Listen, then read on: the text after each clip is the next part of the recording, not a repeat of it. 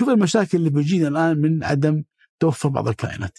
الآن في يرقة في الطلح في الان ترى الطلح؟ بيصاب ببعض اليرقات. هذه اليرقات الآن صارت منتشرة أكثر في شمال المملكة بالطرح إيش السبب؟ إنه الطائر اللي يتغذى عليها ما هو موجود. فهي توازن بيئي أنا بحاول إني أوازن ما بين رغبتك في الصيد وأنا أحترمها تماما وما بين التوازن البيئي الموجود. فأنا ما راح أسمح مثلا تعال صيد وأنا عندي أمامي مشاكل كثيرة أحاول أعالجها.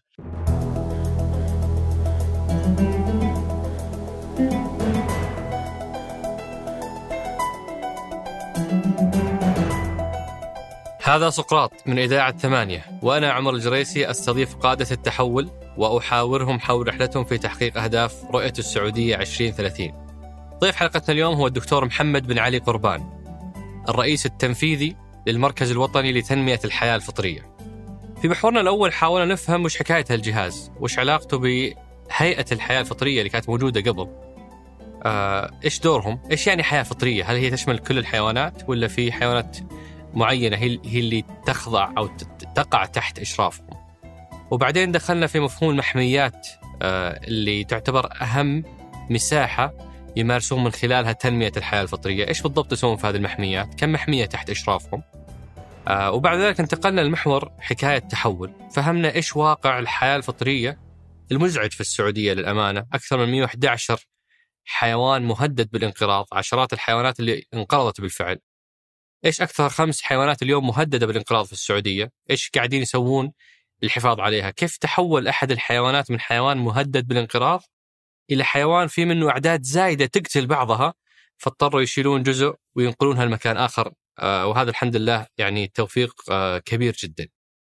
آه إيش أكثر ثلاث ممارسات إحنا كبشر نمارسها ونضر الحياة الفطرية؟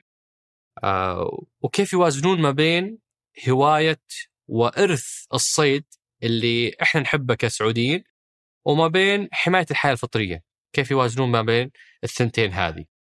آه وتكلمنا على الحياة البحرية، إيش أهم المبادرات والمشاريع اللي صارت فيها، كيف يسخرون التقنية لمراقبة المحميات، وبعد ذلك انتقلنا إلى آه حكاية أصدقاء سقراط، سألنا مجموعة من أسئلتكم الثمينة مثل وين التوعية؟ وين دورهم في توعية المجتمع؟ آه، باللي قاعد يصير. كيف ممكن نستفيد إحنا كمواطنين ومقيمين من هذه المحميات؟ وش فائده انها تكون مسكرة ولا أقدر أزورها وأستمتع فيها؟ آه، وموضوع قردة آه، البابون اللي موجودة في بعض مناطق المملكة وآذت الناس وش التعامل معها؟ كيف حيتعاملون معها؟ وإلى آخر أسئلتكم الثمينة. أترككم مع الحوار. حياك الله أبو بهاء شرفتنا ونورتنا. الله يحييك يا هلا وسهلا فيك. أبو بهاء آه ودي تعرفني على قصة البحث اللي أكبر من عمري. أنت الظاهر عندكم بحث من عام 84 ميلادي. اي طبعا آه، ما شاء الله عليك يعني. خليش أقول الأخبار تجيك يعني وبحثك جيد ما شاء الله. طبعا نتكلم عن دراسات. أنا طبعا التحقت في جامعة الملك فهد بترول والمعادن كباحث آه، في البيئة البحرية طبعا. آه، جيت عند زملائي طبعا في الجامعة. أنا كان عمري حدود ال 22 سنة ونص و 23 سنة. فوجدت الزملاء في جامعة الملك فهد في مركز البيئة والمياه وأحييهم من من منصتك الجميلة فبدأت معهم في العمل فوجدت عندهم دراسات بدأوا فيها من عام 1984 مراقبة الشعب المرجانية في عدة مناطق بالخليج العربي طبعا أنا جيتهم التحقت معهم في عام 1987 لكن كنت مو بادئين وبدأت معهم. الدراسة كانت يعني جميلة جدا المراقبة واستمرت إلى الآن، يعني الآن هم الزملاء ما زالوا يستمروا في مراقبتها. طبعا تقول ليش مراقبه الشعب المرجانيه؟ وش نستفيد من المراقبة؟ المراقبة تشوف الشعب المرجانيه إيش في تأثير عليها. طبعا هو المراقبة من زاوية واحدة من مكان واحد محدد بال GPS بحيث إنه أقدر أقارن كل سنة في الزيادات وان الشعب المرجانيه تقاس بال percentage coverage بالتغطيه النسبية المئويه وهذه وين؟ في الشرقية ولا في الغربية؟ في, في لا في الخليج العربي. في الخليج العربي. نعم. فأنتم ماسكين لكم زاوية من 84 84 الآن مراقبة مراقبة. نعم. فهذه نشأت منها نشرنا منها أبحاث كثيرة طلع منها في في أعمال كثيرة دراسات أبحاث.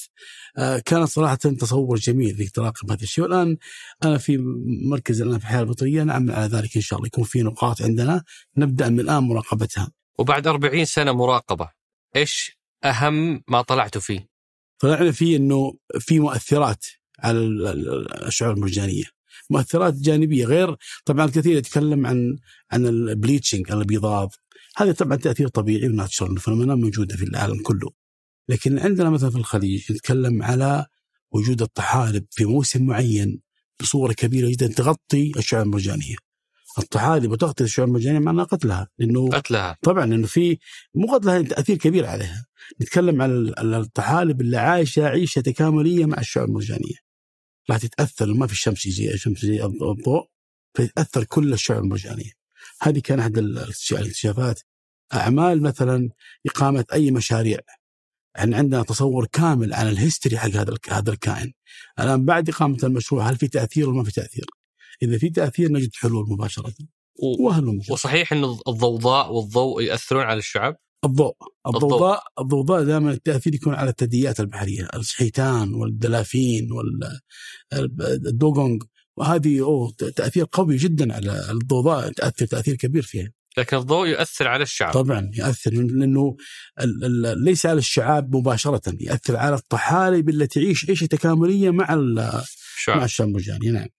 وهذا أبو بهاء مدخل جيد لحلقتنا اللي هي يعني نستضيفك فيها وسعداء بقبولك الدعوة بصفتك الرئيس التنفيذي للمركز الوطني لتنمية الحياة الفطرية. نعم. آه أنت تقود هذا المركز من نوفمبر 2019 من تأسيس المركز تقريبا. نعم. أو حتى ما قبل تأسيسه بشكله السابق نعم في ورش ورش عمل مع الزملاء صحيح وإحنا نتعرف الحين على التحول اللي صار من من هيئة إلى نعم، مركز نعم. نعم. لكن قبلها يعني آه، أنت عندك قصة خاصة مع المياه يعني آه، والبحار. فأنت. مثلا البكالوريوس في تنمية الثروة المائية. نعم. هذا من من في الاحساء بعدين نعم. ماجستير في العلوم البحرية في فلوريدا. فلوريدا. بعدين دكتوراه في علوم البحار كلية المحيطات وعلوم الأرض. نعم. هذه في ساوثهامبتون. في المملكة المتحدة. نعم. آه وحتى لما جيت تشتغل اشتغلت أيضا في المجال. إيش نعم. قصتك مع المسطحات المائية؟ نتكلم عن نتكلم عن البيئة البحرية هو شغف حقيقه. يعني آه حب متبادل. عشق. يعني أنا ممكن تشوفني قمه ساعاتي لما أكون مثلا في يعني كنت دائما إلى وقت يمكن قبل ما أجي على الرياض كنت كل يوم خميس وجمعة أو جمعة والسبت بعد ما تغير كان أول ويكند مختلف. أنا أطلع مع زملائي للبحر ونغطس. بعضهم مدربين يكون معهم طلابهم أنا أساهم معهم. آه كنا نستمتع تحت الماء كثير صراحة. ونشوف ال ال يعني خلق الرحمن سبحانه في المنطقة. نشوف الجمال الطبيعي تحت موجود. فهو عشق يعني رغبة وشغف أكثر ما هو فقط دراسة أو أو وظيفة. ممكن ترى تشوف يعني ممكن تشوفني أكون حزين وزعلان لو الشعب مرجانية تدمرت أو حشائش بحرية صار لها يعني أي أي ضرر أو أو أو امباكت أو ضغوط. فيعني هو تناغم وحب وشغف في العمل لا أكثر ولا أقل يعني. ويعني وامتد هذا الشغف في الدراسة إلى نعم. العمل وأنت اليوم تقود المركز الوطني لتنمية الحياة الفطرية. نعم. فودنا نعرف آه، في محورنا الأول اللي هو حكاية جهاز، وش قصة هالمركز؟ آه، وش المهمة الموكلة إليه؟ وش علاقته بالهيئة؟ كان عندنا هيئة سابقا بس يعني التحديات اللي موجودة اليوم في القطاع تؤكد إن الهيئة ما كانت تقوم بدورها أو هذا على قراءتي. إيش الفرق بين الهيئة والمركز اليوم؟ طيب جميل بالنسبة للمركز يعمل الآن برؤية ورسالة وأهداف استراتيجية مختلفة عن السابق تماما. لكن أنا لا أريد إني أنا أتكلم عن السابق، السابق يعني كل أدى دوره وجزاهم الله الف خير يعني، لكن ما كانت بالرؤية بالعصر الحديث الآن.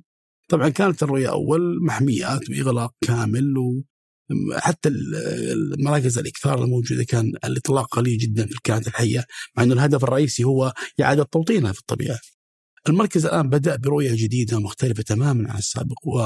وأهداف استراتيجية جميلة صراحة. نتكلم عن عن عن بناء حياة فطرية متنوعة نحافظ محافظة تامة على البيئة البرية والبحرية والمحميات. آه غير كذا لا نغفل الشراكة المجتمعية الشراكه المجتمعيه لها دور كبير وعشان أقدر أنا أحافظ على هذه المدخرات كلها أحتاج بقوة إلى البحث العلمي والابتكارات بالتعاون مع الجامعات ومعاهد الأبحاث داخل المملكة وخارج المملكة كذلك. بس خلينا نبدأ أول شيء بدنا نعرف وش الحياة الفطرية. الحياة الفطرية كل ما يعني بالكائنات الحية والنظم البيئية، إيش النظم البيئية؟ النظم البيئية هي هي الموائل أو الأماكن اللي يعيش فيها أو السكن اللي يعيش فيه هذه الكائنات. هذه هذه مهمة جدا سواء في البيئة البرية أو في البيئة البحرية بتنوعها المختلف تماما. اربطها جميع الأعمال الحياة الفطريه مرتبطة ترى بالإنسان. بالإنسان بالإنسان. الإنسان هو المحور الرئيسي لهذا العمل كله. هتقول لي كيف مرتبط بالإنسان؟ أقول لك عن طريق حاجة اسمها ال food web الشبكة الغذائية اللي يندرج تحتها سلاسل غذائية. فتخيل إنه في كائنات غير متواجدة في الطبيعة الآن مثل ال phytoplankton أو الهائمات النباتية هي مثل المد الأحمر كان سمعت عن بقعة حمراء تصير هذه من كائن واحد نباتي وهذه تشكل أهمية كبرى في السلاسل الغذائية ونسميها نحن بعلمنا الإنتاجية الأولية. الآن لو هذه اختفت أنا أؤكد لك لن تأكل سمك. لن أكل سمك. نعم. كل أنواع الأسماك. كل أنواع الأسماك، لأن هي مرتبطة ارتباط قوي بسلسلة من كائن ثاني يتغذى عليها وهلم جرى، هي سلسلة متابعة. فهي مهمة. جميعها الله تعالى خلقها بتدبير وبدقة متناهية. فأنتم ف... مسؤولين أبو بهاء عن أي كائن حي غير الإنسان. نعم نعم طبعا. ومسؤولين عن بيئته. طبعا عن بيئته محافظ عليها طبعا لما الآن الجميل إذا تسمح لي بس أبدأ بشيء بسيط أي مهم لتثقيف المشاهدين والمشاهدات. الآن نحن نتكلم عن نظام بيئة متكامل في المملكة الحمد لله ومعتمد مجلس الوزراء في عام 441 النظام البيئة اللي صدر هذا خلق منه إلغاء هيئتين. هيئة الرصاد حماية البيئة وهيئة الحياة الفطرية. ونتج عنها خمسة مراكز متخصصة. منها مركز الغطاء النباتي لمكافحة التصحر ومركز الأرصاد والالتزام البيئي والحياة الفطرية والجميل في ذلك النفايات. إدارة, إدارة النفايات. نعم. إدارة النفايات كانت أول يعني مع عدة جهات. الآن ممركزة في مركز واحد وممكن يعني عندنا حلقة سابقة صحيح. نعم مع الأخ أبو خالد حيي عبد الله السباعي. الآن هذه المراكز جميعها تعمل بصورة متخصصة. بالاضافه إلى وجود صندوق لدعم هذه المراكز، صندوق البيئه. والجمال يكتمل كمال ما شاء الله تبارك الله هو وجود الأمن البيئي تابع وزاره الداخلية لحماية جميع هذه المدخرات والتناغم في الأعمال مع المراكز.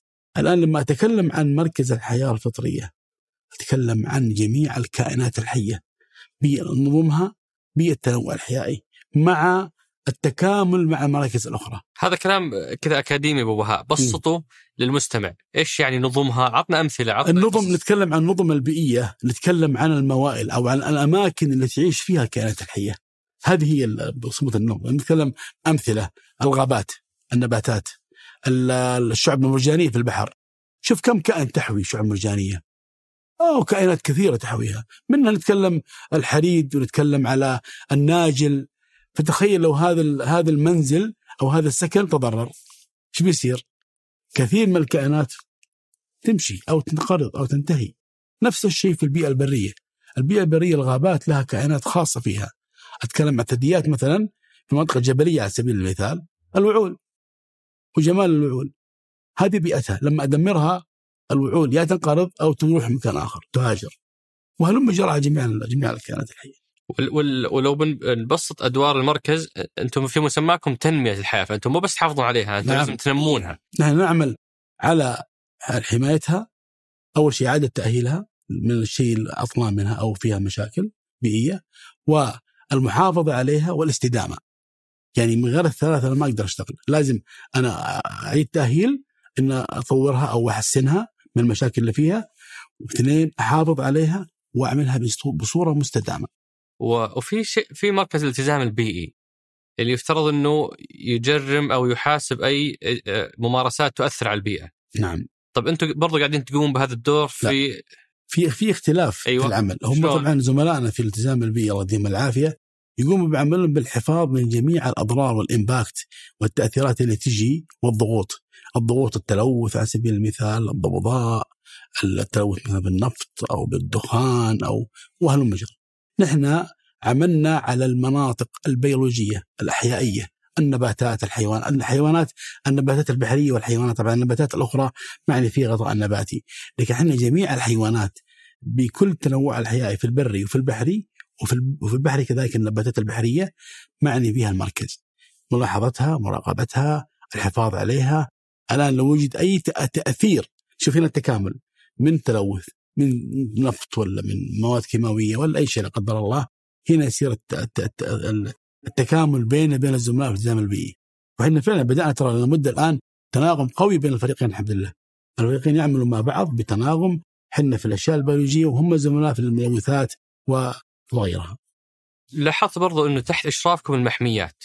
نعم. ويوم مريت عليها لقيت مثلا محمية عروق بني معارض نعم. محمية آه، الوعول محمية حرة الحرة. بس ما لقيت اسماء المحميات الملكية. فودي أعرف وش المحميات اللي تحتكم وش المحميات اللي جميل. اللي ما بتحتكم. طبعا الآن المحميات الموجودة تابعة للمركز الوطني للحياه الفطريه 10 محميات. 10 محميات. نعم. المحميات هذه معني بها برية وبحرية. أكثر طبعا البريه من البحر البحرية قليلة تقريبا. لكن المحميات الملكية الان صدر فيها مرسوم ملكي والآن زملاء لنا يعملوا عليها رؤساء هيئات ورؤساء تنفيذيين يقوموا بهذه الأعمال. طبعا بتطوير المحميه والمركز الوطني كمركز وطني معني بجميع الأعمال الحياة الفطرية. نتعاون معهم وندعمهم ويدعمونا كذلك. ففي تناغم في العمل بين الحياة بين المحميات الملكية ومحميات الحياة الفطرية. في 11 مح... في 10 محميات هذه تحتكم بشكل مباشر. نعم. وفي مجموعة من المحميات الملكية تحت مجلس إدارة المحميات الملكية, الملكية نعم. وبينكم تنسيق لكن نعم. مش تحت إشرافكم. لا مو تحت إشرافنا. طيب لكن لكن في تنسيق قوي بيننا وبينهم. يعني حتى إحنا كرؤساء تنفيذيين وقعنا مع بعض آه، مذكرات تفاهم وفي تعاون. فريق يعمل معاهم من الحياة البطريه دعم كامل لهم يقدم لهم اطلاقات كانت الحقيقة العام الماضي أطلقنا عدة كائنات في المحميات الملكية. يعني نتكلم على محمية الملك سلمان ومحمية الأمير محمد بن سلمان ومحمية الإمام تركي ومحمية الملك خالد وما زلنا السنة هذه كمان في اطلاقات أخرى أطلقنا قبل شهرين قبل شهر ونص تقريبا شهرين في محمية الإمام عبد العزيز فالآن الحمد الملك عبد العزيز إحنا الآن الحمد لله يعني في تناغم قوي بيننا ما في ممتاز. اي بس أنا بدي أفهم الحين لو أخذنا مثال مثلا محمية حره الحرة هذه تحت إشرافكم هذه لا الآن آه. نت انيمور طيب. الآن هي إحدى محميات الملكية عارض تحت اشراف طيب خلينا ناخذ هذا المثال وأنتم دائما تعتبرون هذه المحمية النموذجية. نعم تكون نموذجية وهذا مشروع ترى. اشرح لي وش اللي تسوونه في المحمية. ابتداء من أول شيء شلون اخترتوا هذا المكان؟ إيش اللي يفرق عن هذه المنطقة المحميه المنطقة المحمية عن المناطق الأخرى اللي غير محمية؟ جميل. الآن المحميات بصفة عامة في اختيارها يوجد department كامل في المركز يعمل على تخطيط وتنظيم المحميات بالكامل واختيار المحميات. الآن في القديم طبعا اختاروا المحمية هذه، أي محمية تختار بناء على criteria معتمدة من منظمات دولية مثل IUCN. الآن هذه ال criteria نتكلم على غنائها وثرائها بالتنوع الحيائي، أماكن الرعي اللي فيها، آه، أماكن حتى جمالية خلابة، الأنواع حتى الأنواع البي... النظام البيئي فيها متكامل أو شبه متكامل. الآن يتم الزملاء في التخطيط يبدوا يعملوا لها يعني zonation آه، يعني منطقية بحيث المنطقة هذه هذا الكور اريا أو المنطقة الرئيسية اللي فيها التنوع الحيوي جدا عالي. هذه لابد من تركيز عليها أكثر وعليها دراسات أكثر. في مناطق فيها غطاء نباتي جيد ممكن تستخدم لتنظيم الرعي فيها إذا وجد رعي. في أماكن ممنوع الرعي فيها تماما لأنها مستهلكة وعليها ضغوط وفي مناطق كذلك للتنزه وللسياحة فهي عبارة عن زونيشن مناطق. مناطق. الآن المنطقة الرئيسية القلب هو هذه تصير محمية فما حد يدخلها ما حد يرعى فيها ما نعم حد نعم طبعا. وهذه تسوون تعقمونها أنتم بالرمل ولا لا لا لا, لا, لا فيها, فيها مثلا محمية طريق بني معارض. ما هي معقم بس عليه حماية من الجوالين وكذلك من الأمن. الأمن البيئي. الأمن البيئي ما لم يصل لهناك بعد لكن مع الداخلية شغالين في الموضوع.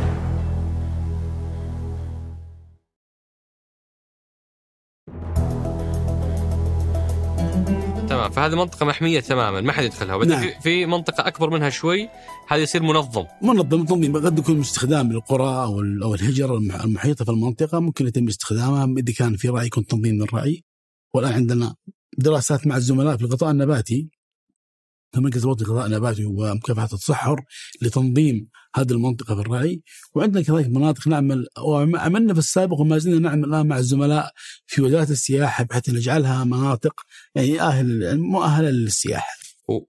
والمحمية هذه أوكي أنتم الآن سويتوا لها حماية أو أو سويتوا لها سميتها أنت zoning أو المنطقة هذه.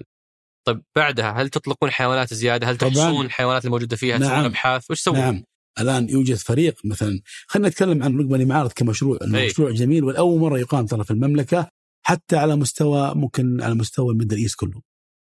إحنا شفنا محمية عروق بني معارض من المحميات الهامة المهمة جدا. نتكلم عن منطقة أكثر من 12 ألف كيلومتر مربع. فيها يعني كائنات حية وفيها تنوع وغنية ما شاء الله. وجميلة ترى كسفاري رائع رائع جدا. أتكلم عن فيها تنوع حيائي أطلقنا فيها الزملاء في الحياة الفطرية أطلقوا فيها الوضيحي أو المها. طبعا هذا له قصة أخرى الوضيحي. قصة جميلة جدا لإنقاذ من الإنقراض. والآن الحمد لله حتى صار موجود في الطبيعة أكثر. فتم إطلاقه في الطبيعة كان أول مرة في عقب المعارض. والآن يوجد أنواع كثيرة من الكائنات متواجدة في المحمية. عدا ذلك كذلك الآن عندنا فريق كامل السنة العام 2021 2020 2021 فرق من المركز بالتعاون مع الجامعات ذهبوا إلى المنطقة وسووا مسح كامل للتنوع الحيوي حتى وجدنا كائنات لم تصنف قبل كذا على مستوى العالم. نعم. شلون؟ مثل إيش؟ مثل في أنواع كذا أنواع من أنواع العقارب من الحشرات. الآن الزملاء يعملوا على نشر البحث العلمي لها. تكلم عن وجود الوضيحي وجود الريم ظباء الريم ظباء الإدمي آه، النعام متواجد في المنطقة. هذه نتكلم عن الحيوانات الكبيرة الثدييات وغيرها من الطيور. الحباري كذلك تكون موجودة. الآن المركز يعمل على أنها تكون أول محمية نموذجية إن شاء الله. طيب كيف نموذجية؟ عملنا على عدة مشاريع. أول شيء المشروع الأول أنه يتم الحماية ما هو بالسيارات بصورة عامة. نقلل موضوع استخدام السيارات. استخدام الدرونز. لحمايتها والكاميرات ويتم متابعتها من الفريق. هذه واحدة. اثنين استخدام الطاقة المتجددة. يعني بدل ما أنا أستخدم بترول كثير أقل استخدام البترول. بدل ما أستخدم البترول عشان الكهرباء لا أستخدم الطاقة الشمسية. وبدأنا في هذا المشروع الآن بالتعاون مع جامعة الملك فهد في البترول والمعادن في مركزين يعملون معنا الآن. الآن إصحاح بيئي في مناطق قريبة من المصنع الإسمنت على سبيل المثال. بدأنا الآن في مراقبة المنطقة أخذ عينات ونشوف هل فيها مشاكل بيئية ولا ما في ونعمل لها إصحاح بالتعاون مع الزملاء وهلم جرى عملنا مشاريع عديدة حتى في في أعمال المياه البيضاء أو السوداء يكون لها معالجة خاصة واستخدامها في الزراعة. وش المياه السوداء؟ الكلام المجاري رحمك الله. أيه. اللي بالجوالين الموجودة في المنطقة. أيه. نستخدمها ونعيد هي مرة ثانية لأنها تكون آه، هذه الأشياء مبادرات صارت ولا شغالين عليها؟ شغالين عليها الآن في الدراسات وتنفيذها بإذن الله. الآن ليش لا نعمل هذا كله؟ نحن رفع نعمل في مع الزملاء في وزارة الثقافة لتسجيلها إن شاء الله في المستقبل في في اليونسكو كأول محمية تسجل في ال في ال في اليونسكو. طيب أبو عشان أفهم برضو أكثر يعني علاقتكم بالمحميات خلينا ناخذ مثال الوعول. الوعول ذكرتها الآن. ودي أعرف أصلا أنتم كيف عرفتوا إنه هذا هذا الكائن مهدد بالانقراض؟ بعدين من وين جبتوه؟ ولما أطلقتوه كيف كيف تتابعون حياته داخل المحمية؟ لأن إحنا صراحة يحزننا ويؤلمنا إننا نشوف مثلا مسؤول يفتح الصندوق والكائن الحي طالع ثم بعدها بكم يوم نشوف نفس هذا الكائن الحي في واحد صايده وحاطه على كبوت سيارته ومصور معاه سيلفي. صراحة قصة مؤلمة، يعني ما في فائده إنك أنت تطلق حيوانات إذا إذا الآخرين بيصيدونها. فلو أخذنا الوعول كمثال ودي ناخذ القصة من لحظة رصد انقراضه أو أو خطره إلى العناية فيه إطلاقه حمايته ما بعد الإطلاق. جميل. أول شيء محمية الوعول سميت وعول لأنها غنية بالوعول أصلا يعني في السابق وفيها وما زال فيها ترى وعول. الآن صار مهدد بانقراض من الضغط عليه كبير. ترى أنت عارف هذا الكائن كائن غريب سبحان الله. يعني جميل في في رشاقته على الجبال. أنا أشوف حتى أقول أقول الحين بيطيح من كثر ما هو سبحان الله الله أعطاه هذه الميزة. غير كذا جماله في حركته في طعامه في وهو كائن جبلي. يعني ما يوجد في في السهول أو في في البراري أكثر ما هو موجود في في الجبال. الآن موجود مثلا في محمية الوعول موجود في الجنوب.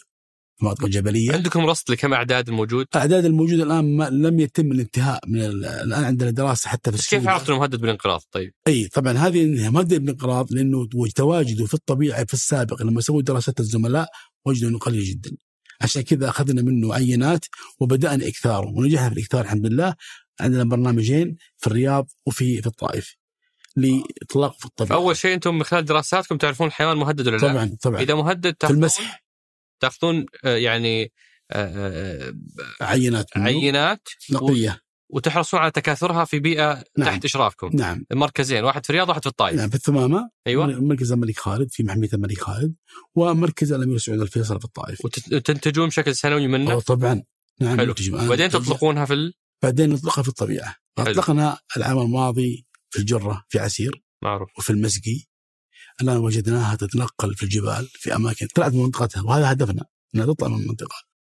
آه الآن قاعدين نعمل كذلك على إطلاقها في أماكن أخرى كذلك.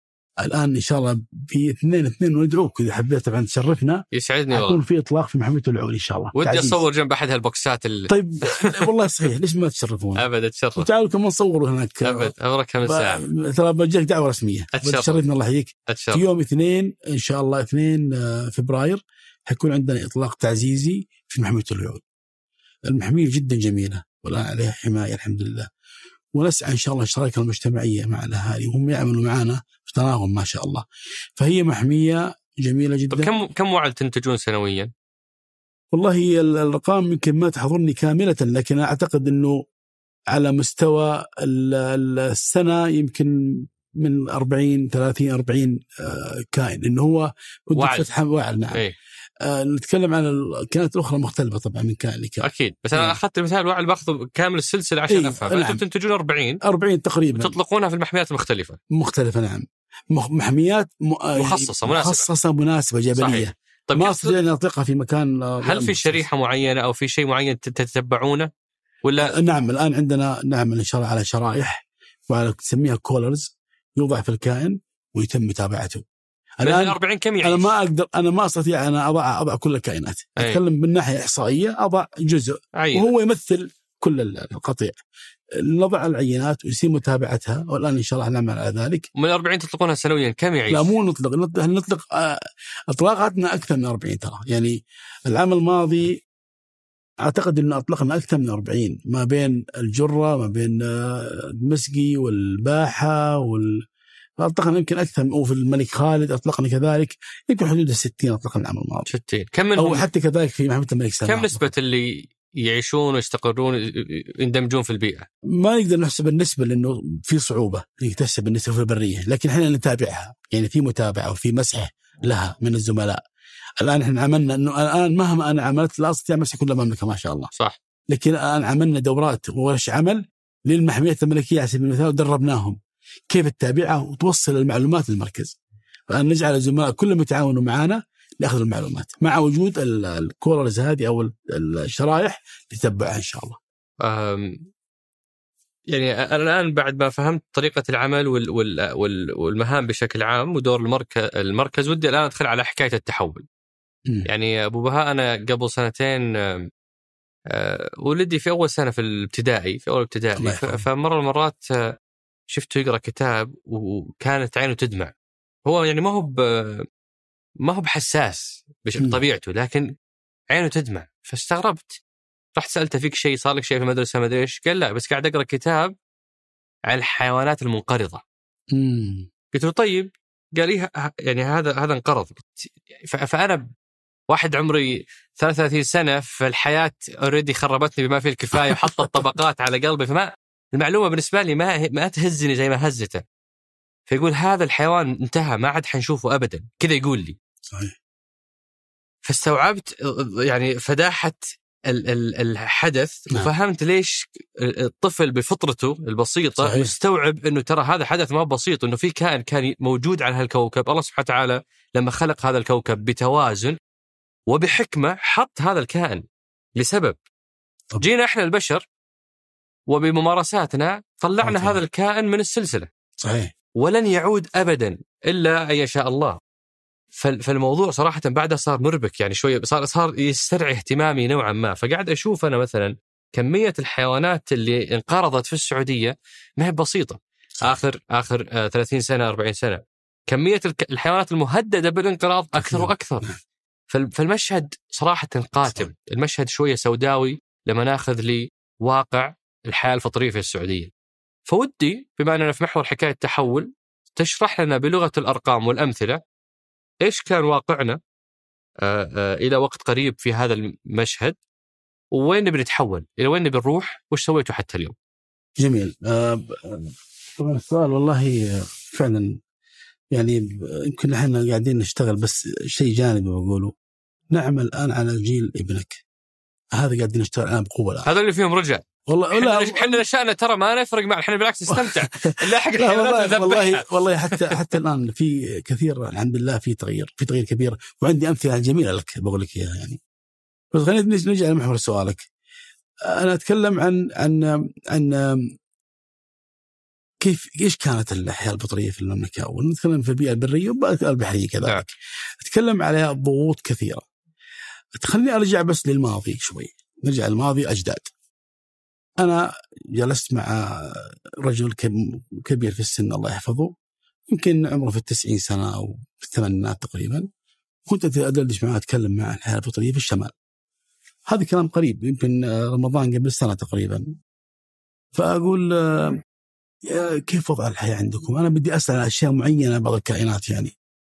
قال والله نحن كنا نحافظ بس الحين يقول ما في محافظة في فكر مختلف أو تفكير غير طبعا أنا بحاول أبسط الكلام قال هي طبعا هو قالها باللهجة العامية يعني.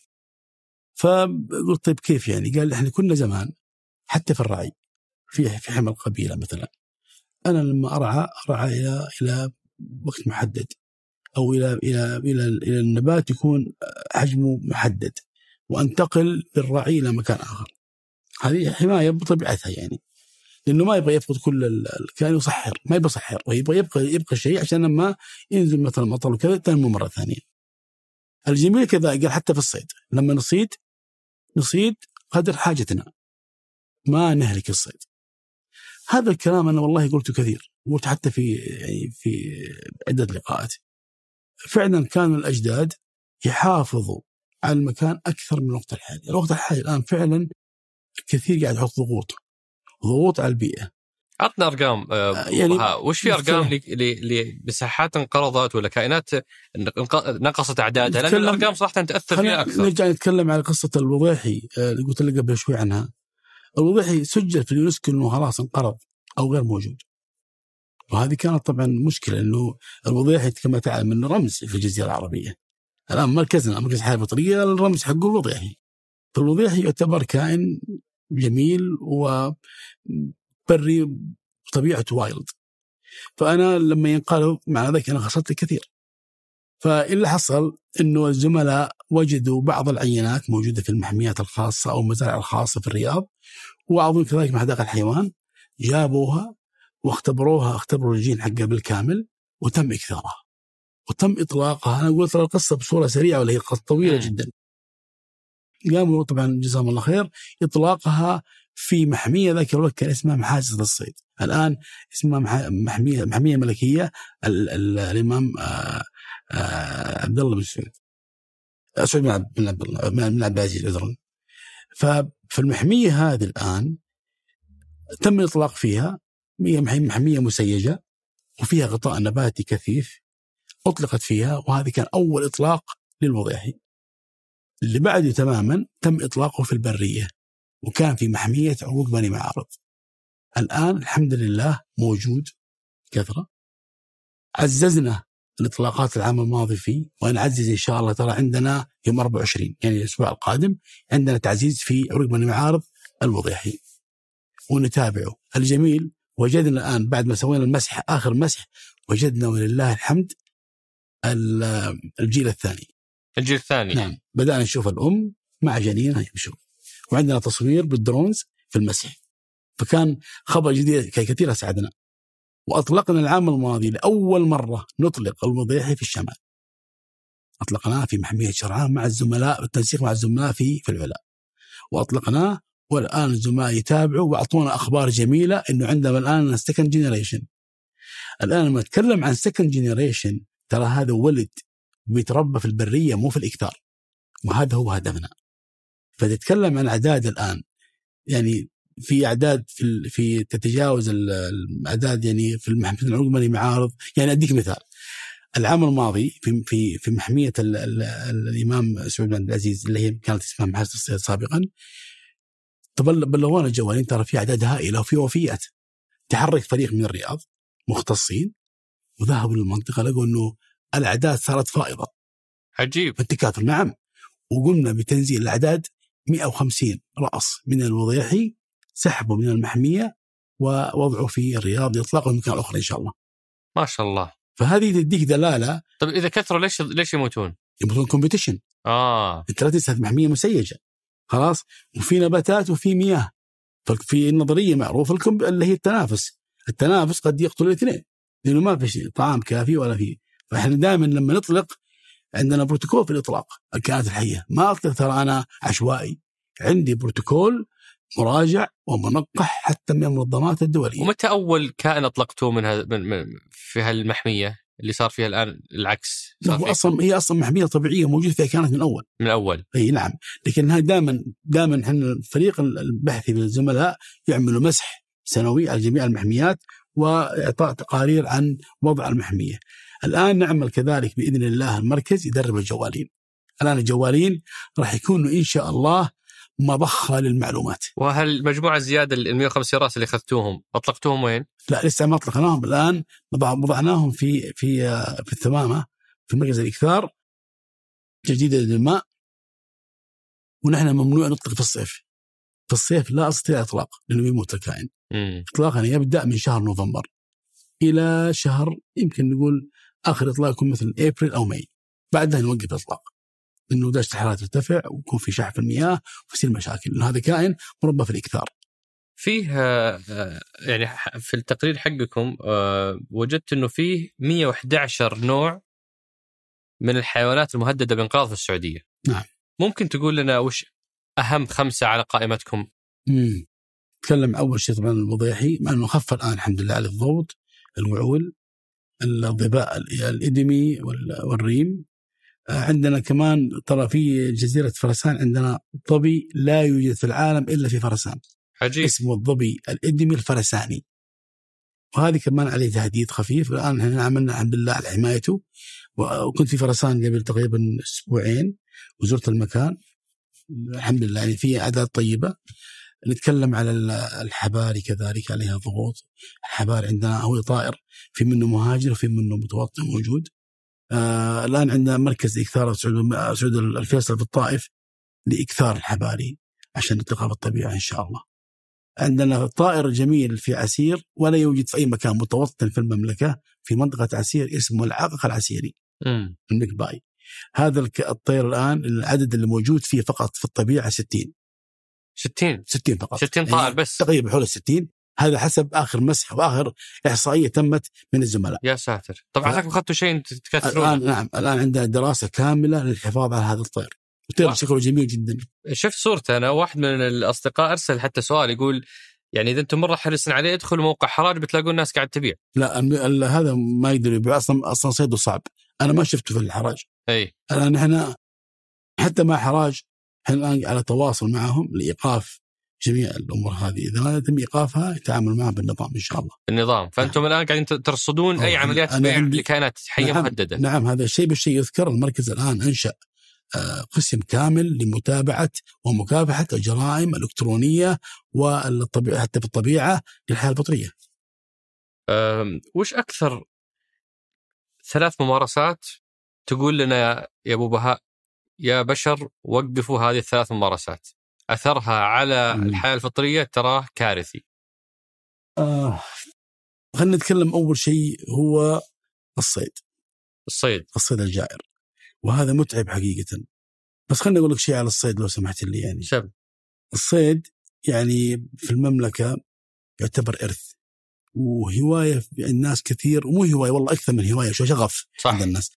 أنا ما أستطيع أجي أوقف الصيد أو أرغب في إيقافه. والله تعالى أحلوا ما حرموا في البحر ولا في البر؟ صح ولا لا؟ بس الصيد لما يبدأ يكون جائر يقضي له على الكائنات الحية شيء بشيء راح يجي يوم الصياد ما يجد شيء يصيده. ويضطر يذهب خارج المملكة. المركز يعمل الآن على تنظيم الصيد والحمد لله. 2021 نحن لأول مرة. دولة. ما هو فقط إقليميا والله حتى على مستوى العالم من من أوائل الدول الآن اللي قمنا بتنظيم الصيد واستلمنا خطابات شكر من عدة منظمات كيف تنظمونه؟ يعني واحد طالع في البر إيش دراكم؟ أنا أقول لك أنا أقول لك كيف ننظم الك- ال- ال- التنظيم الصيد نحن ننظر لل- لل- لدورة حياة الكائن أهم حاجة عندي أنا ما يص... الكائن ما يصاد لما تكون الأمهات يعني فيها يعني جنين فروخ إيه. أو فروخ أو طير أو أو ثدييات يكون فيها. جنين.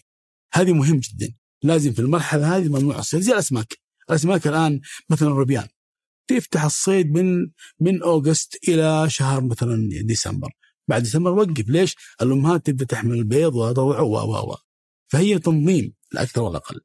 لكن الآن عندنا ضغوط على بعض الطيور وعلى بعض الكائنات، يعني مثلا أي كائن مهدد بالانقراض ممنوع الصيد تماما حتى في كيف. تضمنون هذا الشيء؟ طبعا إحنا نتعامل الآن الحمد لله الآن عندنا نظام بيئة نظام بيئة قوي نزل الآن في عام 1441 والحمد لله اعتمد بمجلس الوزراء. هذا شيء مهم شفنا. المخالفات ما شاء الله نزلتم مخالفات. صدر من من هذه النظام البيئة 17 لائحة منها أربع لوائح هذه فقط للحياة الفطرية. الصيد أغلى الحيوانات أظن كان 200 ألف ولا كم؟ 400 ألف النمر 400 العربي. النمر العربي. نعم. اللي يصيد نمر عربي غرامته 400 ألف ريال. وأبشرك الآن نحن ربطنا ال- الحياة الفطرية بإيفاء ونفاذ. الآن أي مخالفات بتسجل على الشخص مباشرة.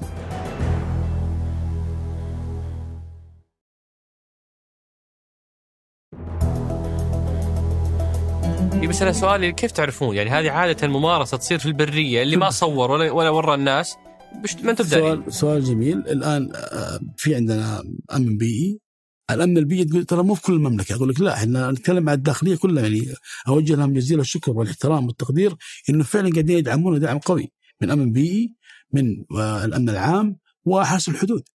الآن الحدود شغالين معنا حتى البيئة البحرية يعني ما هو فقط في البيئة البريه الآن الزملاء يعملوا على إيقاف هذه الأشياء اللي هي تعتبر يعني مدمرة للبيئة. اثنين عندنا النيابة البيئية. وعندنا كذلك وسط وجود المحاكم البيئية. فأنت عندك نظام كامل زي الحزام زي مخالفات المرور مثل أي مخالفة. أنت لا تستطيع إيقاف المخالفة بالكامل. صح ولا لا؟ لكن تقللها. لما تقلل الشيء تقلل الكثير من المشاكل. يعني هل, هل اللي يبلغ ياخذ نسبة من المخالفة؟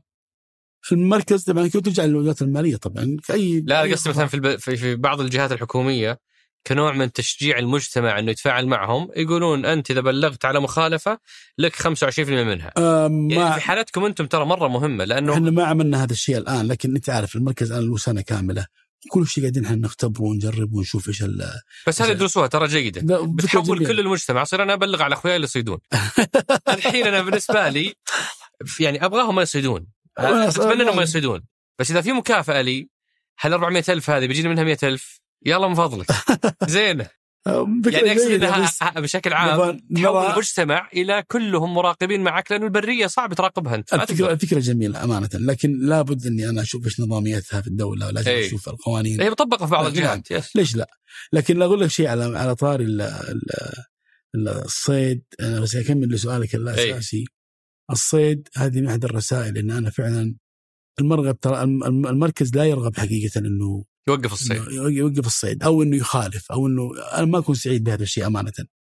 أنا أتمنى يكون في شراكة قوية بيننا وبين الجمهور وخصوصا محبين الصيد. المركز والله يعمل للحفاظ على هذا الإرث. يعني إحنا هدفنا الرئيسي المحافظة على الصيد. بس عشان تحافظ الصيد لازم أديك شيء تصيده product انت تصيد كائنات وما عاد موجود. طب أنا كيف كيف أعمل؟ وأنا الآن راح أكون ملام منك بعدين انت الحياة الفطريه ما سوت شيء. صح. فلازم أنا أعمل على التوازن البيئي. فهذا أول ممارسة أنتم تكافحونها اللي هي الصيد. الصيد. الصيد هذا- الجائر. الصيد الجائر باقي ثنتين. الاثنين نتكلم خلينا نأخذ في البيئة البحرية. إي. قلبه ما يعشق. إي. البيئة البحرية نتكلم فعلا نرغب من الجميع يساهم معنا في الحفاظ والمحافظة على الكائنات الموجودة في البيئة البحرية. يعني الممارسات الخاطئة كثيرة. ومثل ما قلت أنا ما أقدر أشاهد أو اراقب كل شيء. لكن الجمهور يستطيع انه يحافظ. يعني في كثير من الأشخاص يطلع بالقارب حقه يبغى يغطس ويتمتع بالجمال الطبيعي. والله أنا آه، في في مكان أنا ما أنساه حقيقة.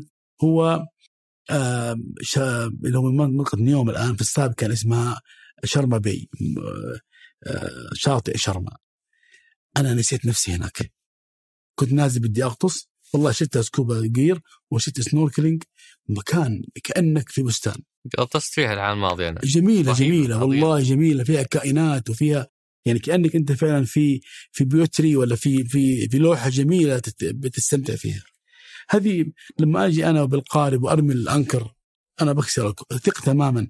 كور الريف لو ينكسر عاد يرجع أنا مرة قال لي واحد آه، على على هالطاري وهنا حلاوة كيف هذه ممكن تسوونها أنتم في حملاتكم الإعلامية والتواصلية. نعم. كيف إنك تترجم الفعل إلى إلى شيء يلامسني؟ فمثلا إحنا قاعدين نغطس يعني وقفت على شعبة.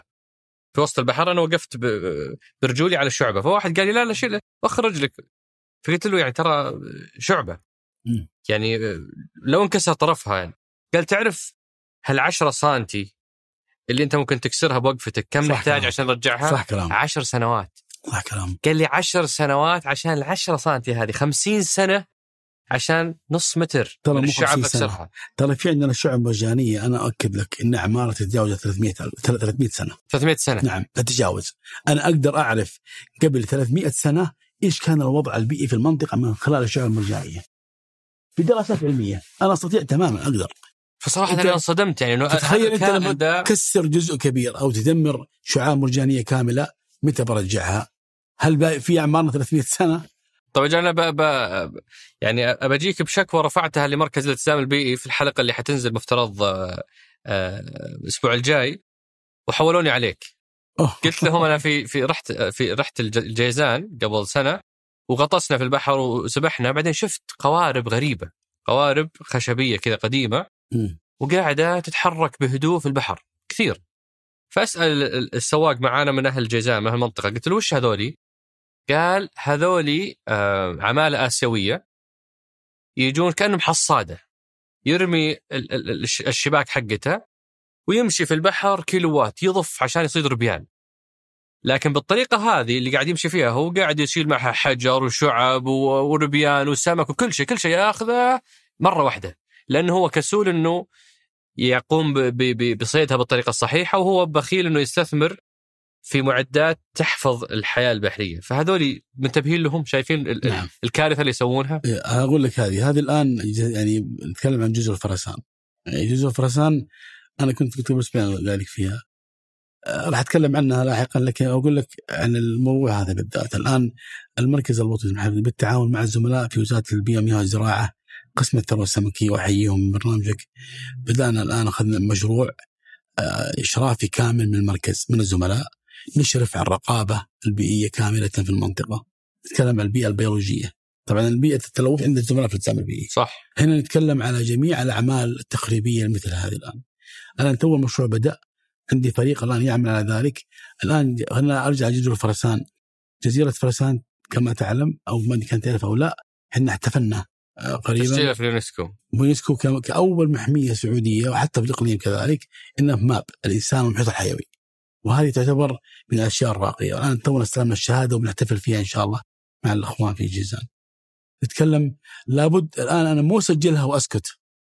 أسجلها وأحافظ على التسجيل. وانميها بعد. بالضبط. فالان إحنا عندنا مشاريع إن شاء الله لتنمية جزر الفرسان والمحافظة عليها وبالتعاون مع الزملاء حتى كذلك يعني الأخوان في المحافظة في جزر الفرسان.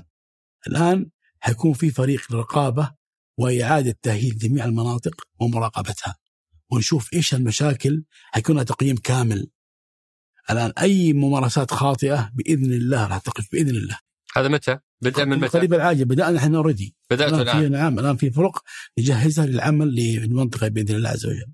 بما إنك جبت طبعا إحنا باقي آخر آخر ممارسة.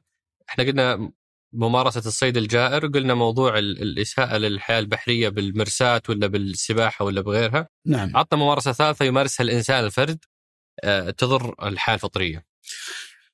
آه، اتكلم عن عن كثير من الأشخاص في عملية تربية المفترسات. أي.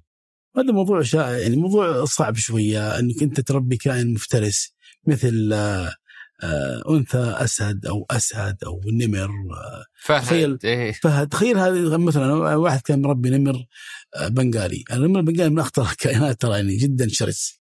فهذه الكائنات تربيتها في المنازل في المناطق في المناطق السكنية تهدد يعني خطورة كبيرة على السكان الموجودين في المنطقة. يمكن شفته قريب في واحد يعني أغرب شيء أنا مر فيه صراحة إنه واحد طلع أسد وربطه في عمود نور وخلاه. طب هذا لو طلع انطلق وقتل أحد أو ذبح أحد طب هذا الكائن إيش له ذنب؟ هذا كان يعني نحن مسؤولين أمام الله عز وجل. فالحياة الفطرية حقيقة يعني يعني في شوية آه، تعب في الموضوع ونتمنى إنه ترى فيها عليها غرامات كبيرة والله. إحنا الان ما شفتكم حتى عقبت واحد صراحة في هذا يعني نشوف إحنا ناس ف- تتجرأ لا. وتستورد وتشتري وتبيع. ابدا ابدا شو راجع ش- آه، أنت متابع ال- الحياة الفطريه والله؟ تابع يعني تويتر؟ ما قد لفت نظري. لا الآن مسك شخص غير ذكر اسماء شخص مسك ومعاه كائنات والآن هو آه، في ال- مع الامن البيئي وحول للنيابة العامة. ممتاز. وش مو شخص واحد؟ وكمان شخص آخر. خلينا نوعي الناس. واحد عنده قاعد يربي له فهد صغير ولا, ولا أسد صغير الآن هذه فيها مرسوم ملكي ترى ممنوع يعني ممنوع تربية المفترسات داخل المدن تماما. هذه واحدة. وش عندك غرامتها؟ كذلك الإتجار بالكائنات وهذه معظمها ترى مهرب. إي. يعني الحياة البطيئه ما تعطي تصريح. ترى إحنا عندنا قسم كامل للتراخيص وعندنا مبادرة كبيرة للإتجار بالكائنات الحية وعندنا معاهدات دولية. فما أقدر أنا أخالفها. هذا ال- المخالفات قد تصل ترى إلى 30 مليون أو أو 10 سنوات سجن. أوف. نعم. 30 مليون غرامه تصل إلى تصل إلى. أي. يعني أنت عارف نظام البيئة الآن أكبر مخالفة إلى 30 مليون. اللي هي وش؟ أي حتى ما حسب ما يحددها القاضي يعني تروح المحكمة. يعني في في مخالفات أنا أغرم فيها الشخص. عندي غرامات لكن في أشياء أو أو مخالفات لا أستطيع التغريم لا بتروح المحكمة. لكن اليوم أي أحد يثبت إنه يعني آه، احتضن كائن حي مفترس. هذا مباشرة بالنسبة لكم مخالفة تستوجب غرامة. غرامة بس أنا أمانة أنا إحنا فتحنا المجال الآن قريبا. إنه كل شخص عنده كائنات مفترسة يسلم. رجاء يتم التنسيق. أنا ما الآن ترى في أعداد كبيرة جدا هائلة. أوه تواصل معكم الناس؟ طبعا طبعا تواصلوا في ناس كثير تواصلوا معنا. يعني أي. قبل مدة استلمنا عشرة أسود مع بعض الضباع في الطائف. ومن جدة كذلك. يربي ضباع في يعني وبعضهم ماسكين طبعا ذئاب و... إيه. وكثير من كثير من يعني من الكائنات المفترسة تكون موجودة عندهم ولا الفهود مثلا عندنا كمية الآن. إحنا قاعدين الآن نأخذ الكائنات هذه ونتعامل معها دوليا وعلى- وعلميا كذلك. الآن في كائنات أنا أرجعها لموطنها إذا هي مهددة بالانقراض وإذا لا تهدى حدائق الحيوان أو تستخدم في حدائق الحيوان في السعودية. لكن أنا ما أستطيع إني أنا أضعها في مكان عام. هذه فيها خطورة كبيرة جدا. أنت ما شفت قبل مدة يعني رحم الله الله يخليه يعني اعتدى عليه أسد قبل يمكن أقل من سنة أو سنة. وهذه كانت يعني وين هذا؟ في الرياض.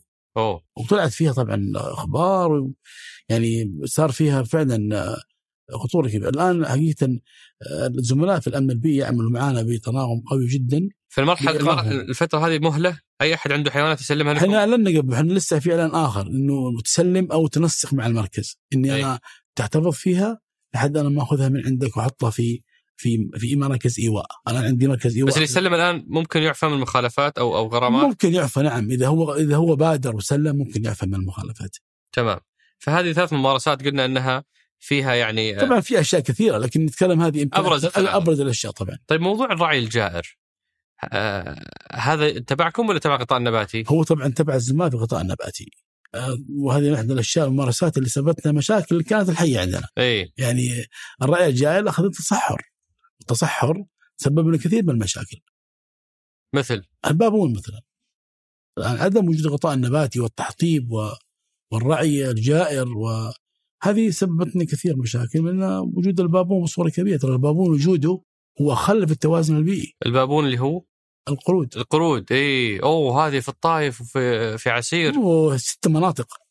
الآن إحنا المركز مصيبة دي شلون تسوون فيها؟ الآن المركز عنده الآن دراسة وبدأنا فيها الحمد لله والآن بنعلن إعلان كامل واعلنا عنها الآن وفي إعلان كمان كامبين كامل وبالتناغم والتنسيق مع جميع أمارات المناطق. نبدأ إن شاء الله في دراسة أعداد البابون وكيفية مكافحة أو أو تقليل أو حصر أعداده. أنا ما أقدر أقول لك بس إيش علاقته بالتصحر؟ أنا ظنيت علاقته بالنمر العربي و... و... لا لا لا هو مفترسات تعمل توازن ولكن هو كمان تواجد في البرية هذا غذاءه واكله وعيشته. النباتات فلما ت- لما يكون ما في نباتات حيضرر الكائن. بس أحنا قاعدين نشوف زيادة ما هو بنقصان. زيادة إنه ترك مكانه وراح لمكان آخر وجد فيه أكل. اي خلاص في المكبات النفايات وفي الناس يطعموهم. وجد بدائل له طبعا وغير كذا صار تكيف للكائن. ترى تغير ترى تغيرت حتى كمان عاداته. بس هو طول عمره في الجبال ولا لا؟ في الجبال لا في الجبال في المناطق. طبعا الجبال فيها نباتات. أمر طبيعي يعني إنه إنه يتأثر. فالتحطيب الرعي الجائر ال- ال- الأشياء ال- الأمور التنموية. يعني مثلا لما أجي أنا أبني فندق على كليف على منحدر هذه أماكن ينام فيها هو الكلب أنت أجيب مكانه؟ وين بيروح؟ بيضطر يهاجر لمكان آخر. طيب. هو خلف التوازن. هذا السؤال مرة مهم أبو بهاء لأن كثير من الناس يسألون عنه اللي هو كيف بيتعاملون مع القرود؟ ودنا نعرف وش المعالجة لأنه فيها فيها شوية صراع ما بين ناس يقولون يا أخي هذه ضرر هذه أذى أذت الأطفال سرقت ضربت وكسرت. وفي الناس في الجزء الثاني ناس يقولون يا أخي هذه كانت حية أنت اللي جاي مكانهم أنت اللي غلطان. فلا يجوز قتلها ولا يجوز آه، آه، مثلا إنه إنها تخصى أو إنها تمنع من التكاثر. فشلون بتوازنون بين هو أنا أقول لك كيف الآن نحن في مثل ما قلت لك الآن انطلقنا في دراسة راح يعلن عنها إن شاء الله المفروض نعلن عنها الأسبوع القادم بدايته يكون في اعلان عنها إن شاء الله قوي جدا ويمكن فرصة إني أنا أتكلم عنها في في في البرنامج يا ريت. يعني ويكون فيها لها طابع قوي إن شاء الله. نتكلم عن البابون البابون تواجده في في الأماكن السكنية وفي المزارع سبب أذى كثير للناس. صح بس لازم نتكلم عن هذا الكائن كيف تكاثر وكيف تواجد بصورة كبيرة في في المناطق ال- المهمة بالسكان. نتكلم عن طعام الكائن، الكائن نفسه، مكبات النفايات، عدم تواجد المفترسات، يعني أدخل على التويتر تلاقي واحد قاتل الذيب وذابح الذيب ومخاوي الذيب.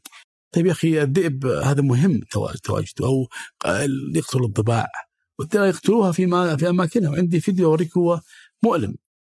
والناس سعيدين. الضبع كائن شرس يا أخي هو ما وجد. الله تعالى خلق كل شيء بدقة متناهية.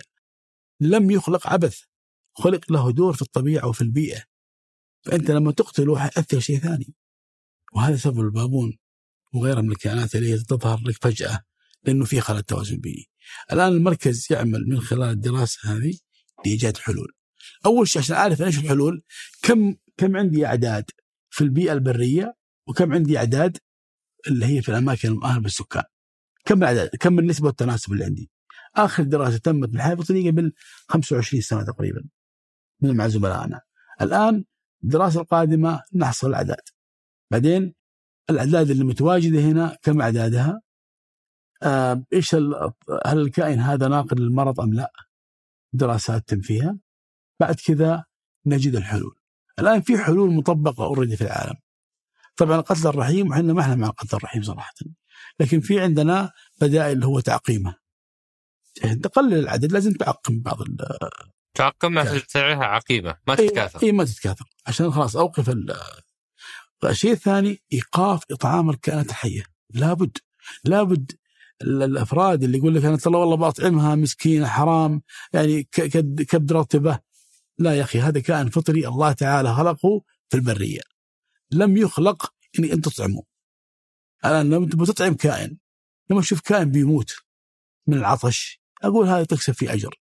لكن اطعام يعني بكميات هائلة من من دو من يعني أكل المنزل هذا صعب جدا. فهذا يخلي الكائن نفسه يبدأ يعني آه، يستأنس. ولأنه الشيء بيجي له سهل. فخلاص يستقر عندك. يعني أذكر في الطائف زمان قديم الكلام هذا. كان ننزل مثلا من خط الهدى إلى مكة كانت ترمي الناس بالحجار. كانت كانت wild بطبيعتها الآن لا.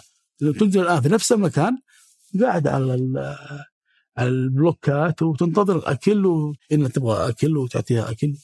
فهذه سبب يعني خلت الكائن هذا استأنس. فلا بد من إيقاف مكبات النفايات تحت الأعراس مثلا ال- الأكل واللحوم والدجاج والرز يرمى بكميات كبيرة في المكبات أو في النفايات وهذا مكان يغزو فيه الكائنات بس هذه أبو بهاء كلها تحليل للمشكلة بس ما ما بعد سمعت حل كيف وحن- كيف وحن- الحل؟ نحن الآن قاعدين نشتغل على الحل الحل مختلف أنا في هل اشياء ممكن بتشيلون مجموعة منهم تنقلونهم؟ نعم هذه إحدى الأعمال إحدى إحدى الطرق إنه نبعدها للبرية بس البرية. كيف تبعدها للبرية؟ ما في برية. في في برية لكن تبعدها لازم تكون بصورة ممنهجة ومنظمة. عشان انت هذه قد تبعدها الآن ممكن بعد كم ترجع مرة ثانية. اي لابد يكون ابعاده بصورة علمية بحتة. عشان أقدر أنا أطمئن إنه ما ترجع مرة ثانية. و- أول شيء لازم يعرف إنه ما عاد في نفايات كثيرة هناك.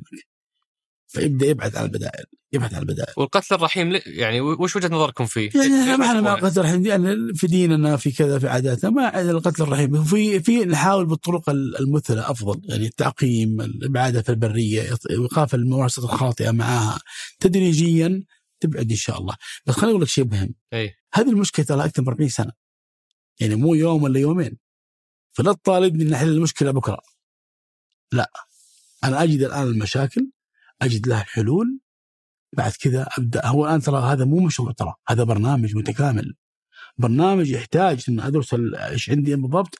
والآن مع الدرا مع الدراسة هذه اللي هو بدايه البرنامج حنطبق الميتيجيشن أو الحلول على منطقتين. السودة؟ السودة لا السودة هذه الثالثة إي. لأن الإخوان يدعمونا ماديا فيها. امم فهي هتكون ثلاثة مناطق الآن السودة وفي مناطق آه، زراعية ومناطق مدنية. يعني منطقة مدنية ومنطقة زراعية والسودة وين المنطقة المدنية وين المنطقة لسه ما حددنا بالضبط. يعني بنحدد نشوف. يمكن نشوف هذه المناطق اللي فعلا أكثر تضررا. فهذه نعرفها الآن بالدراسة بالت- بالأعداد اللي موجودة.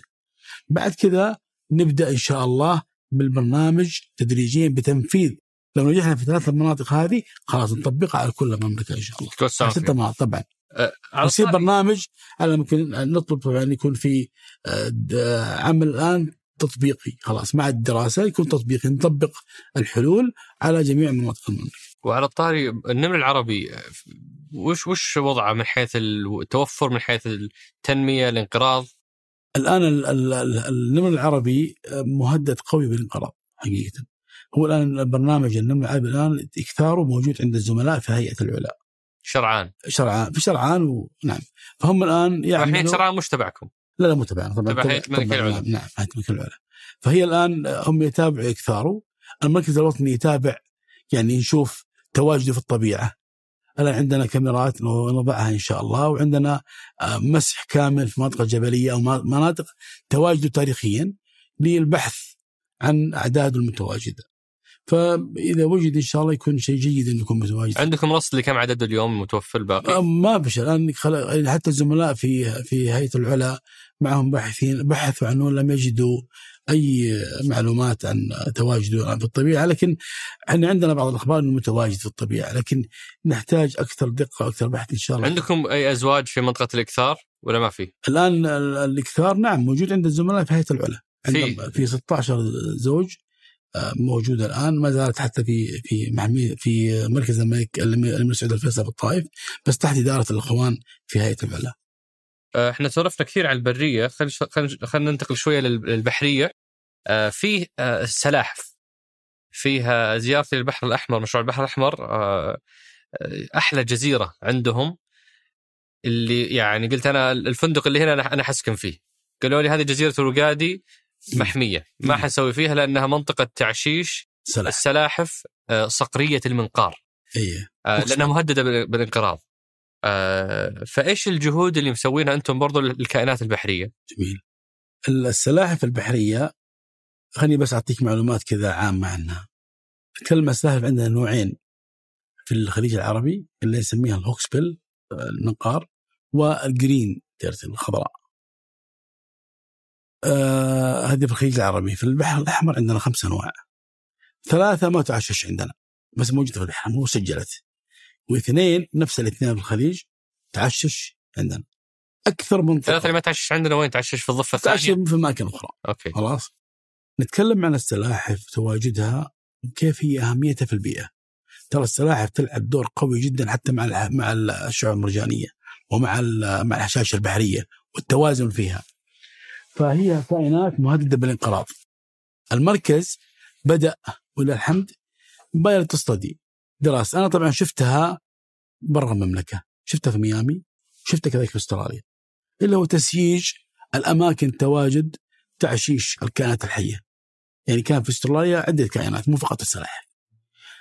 طبعا يحطوا سياج أو أماكن حتى خشبية وعليها لوحات توعوية وكذا. يعني شيء جدا بسيط هو فقط ملاحظة هي ليست محمية كثر ما هي حماية العشاش والإناث.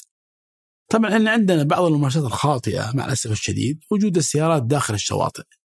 فهي تدعس لقينا كثير منها مدعوس بالسيارات ومكسرة تشيل ميته أو العبث مع الكائن بعض الأشخاص الله يهديهم بقصد اللعب كذا. تسلية. ويقلبها على ظهرها وتموت ما تأتي نفسها مرة ثانية. أو إنها تطيح من الجروف وتموت. فسجلنا عرفنا كل المشاكل اللي موجودة فيها وسيجنا منطقة بالتعاون ونشكرهم حقيقة. وزارة الدفاع آه، دعمونا في هذا الشيء. كان فعلا الآن عندنا فريق يعمل علمي يتابعها عندي خبير أنا في السلاحف البحرية الآن يعمل عليها. الحمد لله سجلنا في المنطقة المسيجة صفر أمهات ميتة. ما فيش ولا أي أنثى ميتة.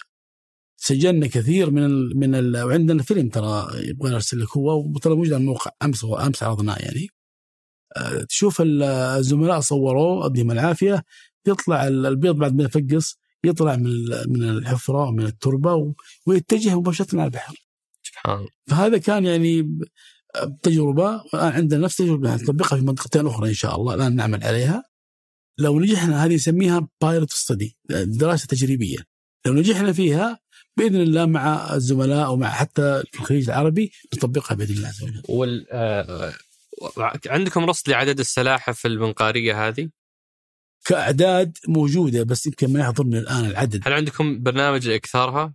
آه الآن حنعمل على ذلك، يعني في فكرة إن شاء الله إنه نعمل على إكثار نوع أو نوعين أكثر تهديدا انقراض. خليني أقول لك على شيء غريب في في السلاحف.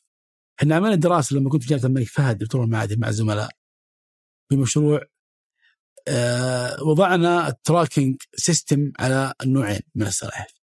وجدنا بعد مدة إنه كائنين ونوع يذهب إلى إيران ونوع آخر يذهب إلى يهاجر ويرجع يضع بيضه عندنا في البيئة كل الكائنين على جزر أو بعض المناطق الساحلية.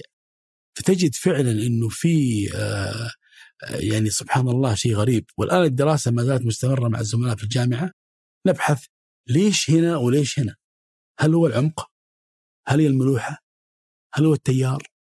الآن الزملاء ما زالوا يعني والآن كان في نشر قريب من الزملاء في أن هذا العمل آه في لاحظت في ضمن المؤشرات اللي مستهدفة عليكم في برنامج التحول الوطني عدد التراخيص المصدرة للاتجار بالأحياء الفطرية ومنتجاتها نعم آه خط الأساس 2000 ترخيص 2018 م. هدفكم في 2025 20000 ترخيص أنتم تبون تكثرون تراخيص الاتجار بالحياة الفطرية لا. شلون؟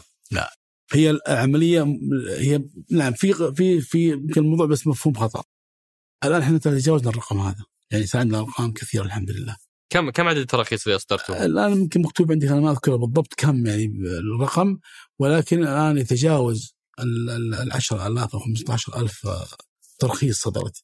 بس نتكلم عن تراخيص ترى متنوعه ليس الاتجار فقط. اتجار رخص الصيد جوازات الصقور. في منصة عندنا اسمها منصة فطري. ترى منصة جميلة. أمانة أنا أشوفها من يعني تعتبر شيء يونيك. آه، الزملاء تم طبعا عمله في الحياة الفطرية فعلا ممنهج. حتى زيارة المحميات حتى يعني نظام متكامل منصة متكاملة للحياه الفطرية. ترى موجود كذلك حتى على الجوال application في الجوال. بس نرجع لموضوع الإتجار. الإتجار الآن في في أشياء مسموح المتاجرة بها. كائنات الحيه وفي كائنات غير مسموحة. خصوصا نتعامل مع CITES سايتس هذه منظمة عالمية وقعنا معها معاهدات مع كثير من الدول ممنوع تجارة نوع أنواع معينة من من الكائنات وخصوصا الكائنات المهددة بالانقراض. علشان كذا لها تنظيم خاص فيها. ففي كائنات مسموح لا شك في ذلك يعني ما فيها مشكلة ولا غرامة وفي أشياء تبغون ترخصونها هذه سابقا غير مرخصه. آه، طبعا في في كائنات تهرب وهذه غير مرخصة. هذا سبب مشكلة ترى كبيرة جدا. لأنه أنا الكائنات اللي بتجي أنا ما أقدر حتى ما أقدر اصلح أي كائن اللي بعد ما تمر على منصة إنعام عند الزملاء في وزارة البيئة والمياه والزراعه في الثروه الحيوانية أو المحاجر لابد إنهم يختبروا هذه الكائنات إذا ما فيها أمراض أو فيها فيروسات ومن ثم الحياة تلخصها للنظام سايتس العالمي فهي ما هو عمل عشوائي لا عمل ممنهج نحن مع الزملاء. إذا تخيل كائن يدخل مسموح دخوله لكن في فيروس أو في مرض مثل زي السل. السل ترى لو دخل لا قدر الله راح يفني كثير من الكائنات الفطرية وغير الفطرية. قد يصل حتى الانسان فإحنا نحرص كل الحرص إنه ما يدخل كائن المملكة أو نصرح كحياه فطريه إلا بعد ما الزملاء في المحاجر يقولوا ما في مشكلة يدخل. أه ولو بختم محور حكاية تحول أبو بهاء إني أسألك أقول لك سنتين وشهرين من يوم ما آه، بداتوا تقريبا إيش أهم إنجاز أنت فخور فيه ومع زملائك في المركز؟ تم تحقيقه وأثره مباشر. ما, ما نتكلم عن استراتيجية ما نتكلم عن نظام. آه، هذه كلها إنجازات مهمة بس أقصد شيء الناس تقدر تلمس أثره على على أرض الواقع. والله أنا أقول لك شيء. أنا قعدت قبل مده أشوف إيش اللي إحنا سويناه. أنا كل بعد مدة أبعد كذا وانظر للصوره بعد أشوف إيش أنا سويت إيش عملت كمركز. بس أنا لا لا استطيع ان عن الاستراتيجية والأهداف الاستراتيجية للمركز. أنا أعمل من أول يوم بالتناغم ودائما أرجع إلى الرؤية والرسالة والأهداف الاستراتيجية واستراتيجية المركز. وهذه مهمة جدا, جداً. أنا ما اقلل منها بس أقصد عشان آه المستمع ودي بشيء أبسط. جيد كلام. أتكلم إنه أول ما بدأنا المركز فيه يعني زملاء جيدين ما شاء الله لكن هم قادمين من من, من الهيئة السابقة. في فكر مختلف عن ورؤية مختلفة عن المركز الحالي. أكثر شيء حرصنا عليه حقيقة هو استقطاب كوادر مهمة. كان أهم قسم عندي أنا هو قسم الدعم الفني. إنه كل ال flow والعمل والمشاريع يجي من خلاله. فبنينا الحمد لله أفضل قسم عندي الآن موجود هو ال PMO اللي هو ال project management office وكان عندنا الآن أمانة الآن أي مشروع أعطيه للزملاء 24 ساعة هو مخطط كامل عندي. أنت أي مشروع تبي تعمله الآن لازم تخطيط له. إذا ما خططت وكان في متابعة وعليه مدير مشروع أنا ما أستطيع أن أشتغل. بيكون عملك عشوائي. أي عمل. الآن الآن عندنا أعمال كثيرة وحنتكلم إذا رغبت عن ال OceanX. طيب نتكلم الآن على أعمال كثيرة عندي. أنا عندي مشاريع كثيرة شغال فيها الحمد لله. OceanX اللي مع نيوم مع الآن جاي مع المركز إن شاء الله. آه ما شاء الله. خلاص حنتكلم عنه إذا إذا رغبت. الآن نتكلم عن استقطاب الكوادر الهامة للمركز. اللي فعلا كم عددكم اليوم؟ الآن نتكلم على تقريبا آه، حدود الألف. ألف ما شاء الله تبارك الله. نتكلم بس على الألف في المحميات وجوالين. أي. هذا الآن الآن المركز حيكون له خطة خطة موارد بشرية كاملة. والآن إحنا انتهينا منها مع المستشار ونطبقها. فحيكون في زملاء يمكن راح يعني ينتقلوا إلى مكان آخر. آه، في مثلا في الوزارة. وفي زملاء راح يشتغلوا. وفي زملاء راح يطور عملهم ويتم تدريب. يعني الجوال سابقا كان أكثر عمله حماية. يعني فقط أمني. أنا الآن ما أرغب أنا عندي خاصة الحمد لله الداخلية وعندي الأمن البيئي. الآن الجوال هذا بطوره وأطلع منه جوال محترف فني. يعني في منهم من يرغب باستخدام ال drones والتطوير والتصوير وفي منهم يعشق النباتات وأنواعها واسمائها ويعطيك معلومات data في أشخاص يعملوا على على التنوع الاحيائي فأنا بستخدم كل ال resources اللي عندهم وأطورها بحيث إنه يكون ماكينه لإعطاء المعلومات ال data اليومية. فتخيل بعد سنتين من الآن إن شاء الله بعد تطوير الجوالين راح يكون عندي massive number of data يعني يكون عندي أرقام كبيرة ومعلومات كثيرة عن المحميات. هذه راح تدعمني أكثر لفهم المحميات وتطويرها. هذه هذه من الأشياء الهامة من انجاز المركز. إنجازات أخرى هي محمية عقبه المعارض. هذه بدأنا فيها كانت فكرة بسيطة قلنا في اجتماع وين موقعها هي؟ هي في في في جنوب المملكة جنوب الربع الخالي بقرب ما بين نجران والدوادي الدواسر. أي مساحتها 12000 أكثر من 12000 12700 كيلومتر مربع كبيرة جدا هيوج ما شاء الله. الآن يعني درسنا محميه المعارض وإيش أهميتها؟ وأعلنا. قلنا الآن المركز بدأ بمشروع إنه يجعل هذه المحمية في المستقبل القريب العاجل إن شاء الله محمية نموذجية. وبدأنا بوجود خبراء يعملوا معنا والزملاء وبدأنا في كل الاتجاهات عندنا تسعه دراسات أو تسعه مشاريع منها آه خمسة مشاريع مع ثلاثة جامعات. يشتغلوا معنا الباحثين. وإن شاء الله في القريب العاجل نحتفل بإنها تكون نموذجية ونظيفة تماما من أي مشاكل. بإذن الله، أجل خلينا نختم ب OceanX. طبعا أنت سمعت قد سمعت عن شركة اسمها OceanX؟ الصديق إبراهيم الزهيميل ابو المها عنده شركة استشارات اسمها OceanX إي والله ما أعرف. فالمفترض إنك تدفعوا له رسوم. عمر الشركة ست ست سنوات. خاف هم يدفعوا ترى. إي لا والله ما أدري. بس إنه الله يعينكم عليه. لو جرى بيتعبكم. بس أنا ما دخل هذه الشركة تتكلم مع شركة يتفاهم مع نيوم ها؟ طبعا. خلاص. لا مو نيوم هي ترى سفينة جاية من أمريكا. اسم السفينة OceanX آه وش قصتها هذه؟ هذه السفينة تعتبر top notch على مستوى العالم. آه أنا ترى بدي أرجع ما خلصت الإنجازات. يعني أيوه. أنا أنا كنت باخذ أهم الإنجازات. في البيئه البحرية عندي وعندي أشياء ثانية بتكلم عنها بس نخلص Ocean طيب. X Ocean X هي سفينة طبعا قدمت من خارج المملكة. طبعا هي أعتقد إنها تتبع لشركة غير ربحيه آه بس هي تعتبر من من أفضل السفن على مستوى العالم الآن في البحث العلمي. يعني فيها جميع الممكنات العلمية. آه بعطيك معلومة عن البيئة البحرية. البيئة البحرية كأبحاث دراسات الباحث يحتاج إلى ال tools إذا ما عندي ما, ما أستطيع أن أعمل. يعني أنا ما لا أستطيع أن أنزل على عمق أكثر من 100 متر لو أنا كنت غطاس professional يعني تجاري يسميه. أكثر من كذا أنا ما أقدر أنزل. لازم معدات. الضغط طبعا الضغط يحكم لك الضغط كل 10 متر تحت الماء يزداد واحد ضغط جوي. فأنا أذكر إني في في بهامز وأنا طالب نزلت في غواصة مع في مع مشرفه طبعا إلى عمق 1400 متر. كنا خارج الغواصة نضع الاكواب هذه الفلين نكتب عليها كلمات كذا وذكريات. الكوب يكون هذا كبره. نطلع على سطح السفينة نشيل الشبك الخارجي نشوف الاكواب كذا صار صغرى من قوه الضغط.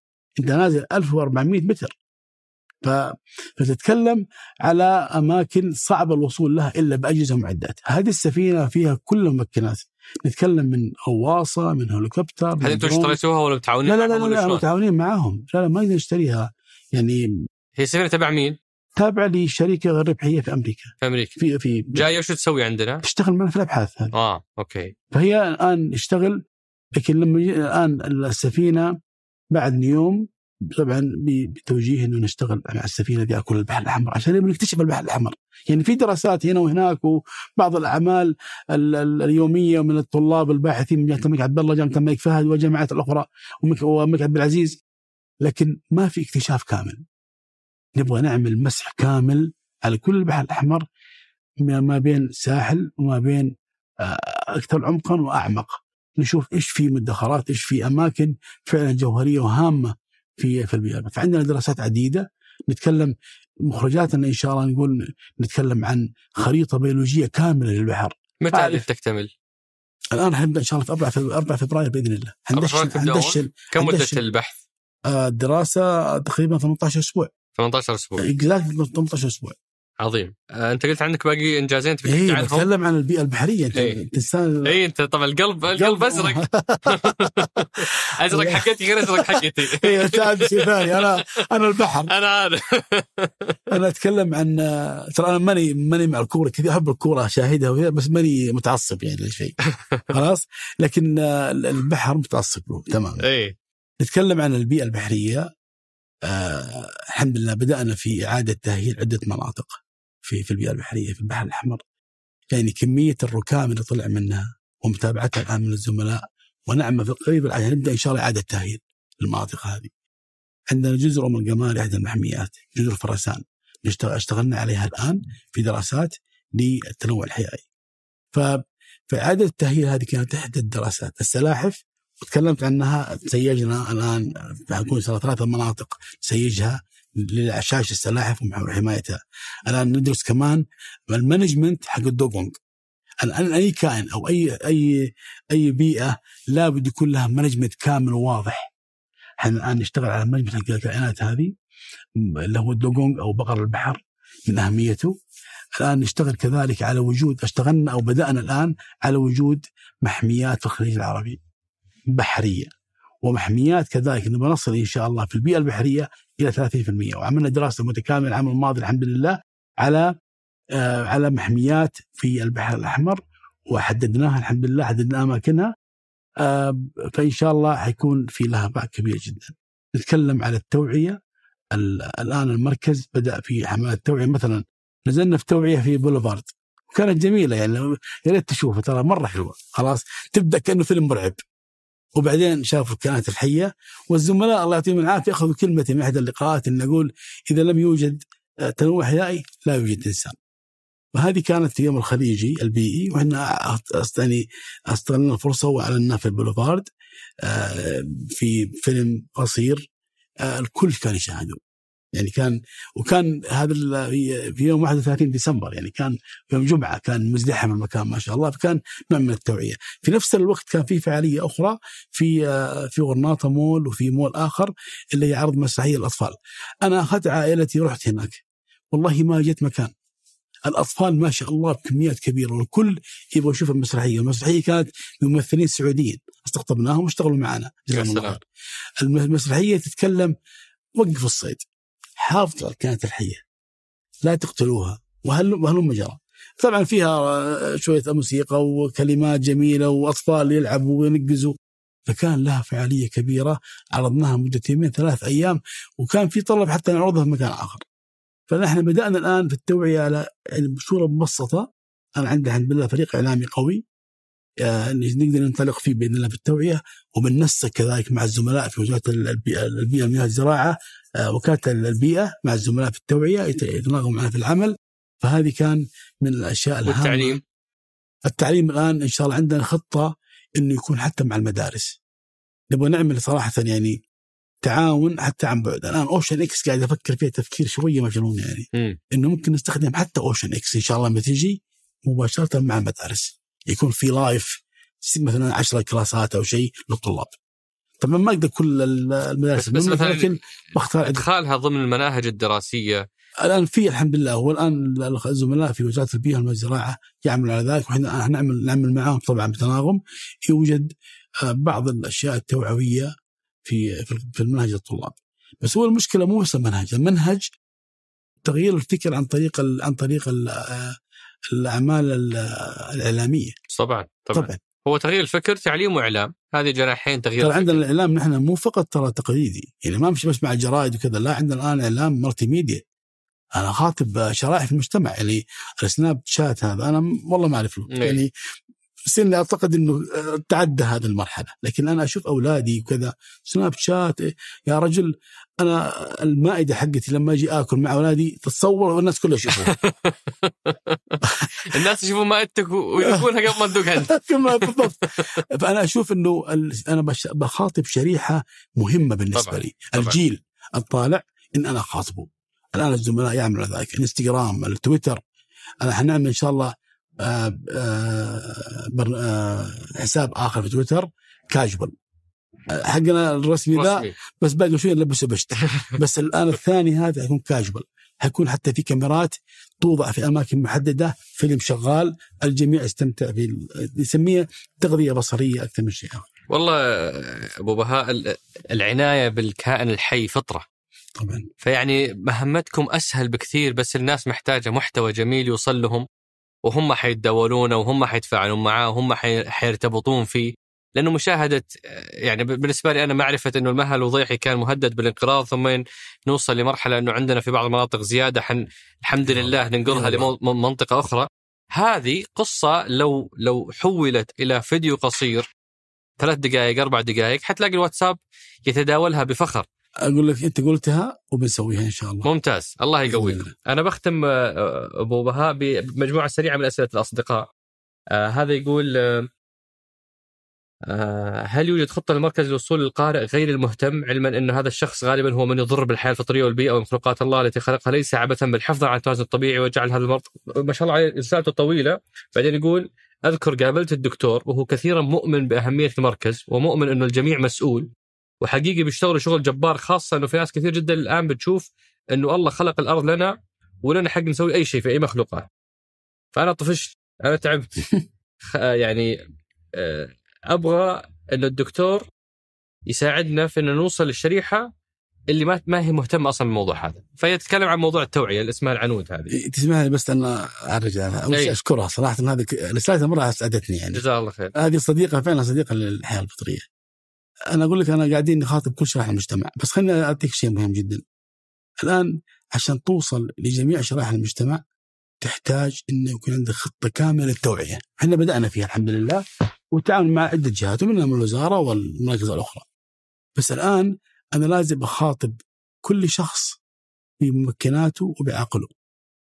يعني على سبيل المثال كان في طفلة قبل سنة وسنه ونص تقريبا أتت- أرسلت رسائل إن أنا ودي أزور المحميات طفلة صغيرة يكون عمرها 10 سنوات أو شيء من القبيل أو ثمان سنوات. أزور المحمية أشوف اللي كانت الحية وترتبوا لي اللقاء معها. أنا كرئيس تنفيذي دخلت معها زوم. كان قلت ما ما أبغى أشوف لا والدها ولا والدتها أبغى البنت نفسها. وتكلمت معاها وعن شغفها قلت لها ترى انت أول سفيرة يا في سلام. الحياة الفطرية. والآن قلت للزملاء تواصلوا معها بعد أنا كنا خايفين من كورونا يعني أمانة. الآن كورونا الحمد لله في تطعيمات وفي كذا أنا بنعطيها كرت وتكون فعلا سفيرة. أنا ما قلت لها سفيرة عبث نبدأ من خلال الأطفال المدارس التعليم. يا سلام. نبدأ في الجيل الطالع ننميه حب الحياة الفطرية. الآن اللي موجود خارجي أنا أتعامل معاه مختلف. وديك قصص مرة حلوة. إحدى القصص جاني ملف كامل قبل سنة ونص عن واحد قاتل الذيب أو ذابح الذيب اسمه كذا في إنه هذا قاعد يقتل الكائنات و- و- و- لازم أنا قلت لهم أي شيء يرفع للداخليه أنا أشوفه. الإخوان في في الوزارة. فأعطوني الخطاب قلت له أوكي. أبغى أشوف الشخص هذا هو قرأت الملف حقه. الرجل متعلم مع بكالوريوس وبكالوريوس في البيئة في حاجة بيولوجية هو صحي. طيب دارس برا في أمريكا. يعني معلش الآن السفر تتعلم منه أشياء كثيرة غير التعليم. ثقافات أفكار. فقلت هذا قطعا عنده فهم خاطئ. الرجل هذا عنده. الغريب إنه متمرس في أماكن الذئاب والضباع شاطر فيها ما شاء الله. قلت له وقف ما ترسل حاجة. وبدأت أتعامل مع زملائي قلت شوفوا الشخص هذا وينه الآن إن شاء الله هيشتغل معنا. أنا بنعطي له وظيفه معانا يشتغل full time job ليش؟ غيرنا الفكر. في زميل آخر الآن هو انتقل لجهة أخرى. يشتغل معكم إنه يساعدكم تلقونها لا مو يساعدنا. أجل. وظيفة job أي. إنه خلاص مت... يعني يعمل في الحياة الفطرية كباحث بري. هو تخصصا بيولوجي.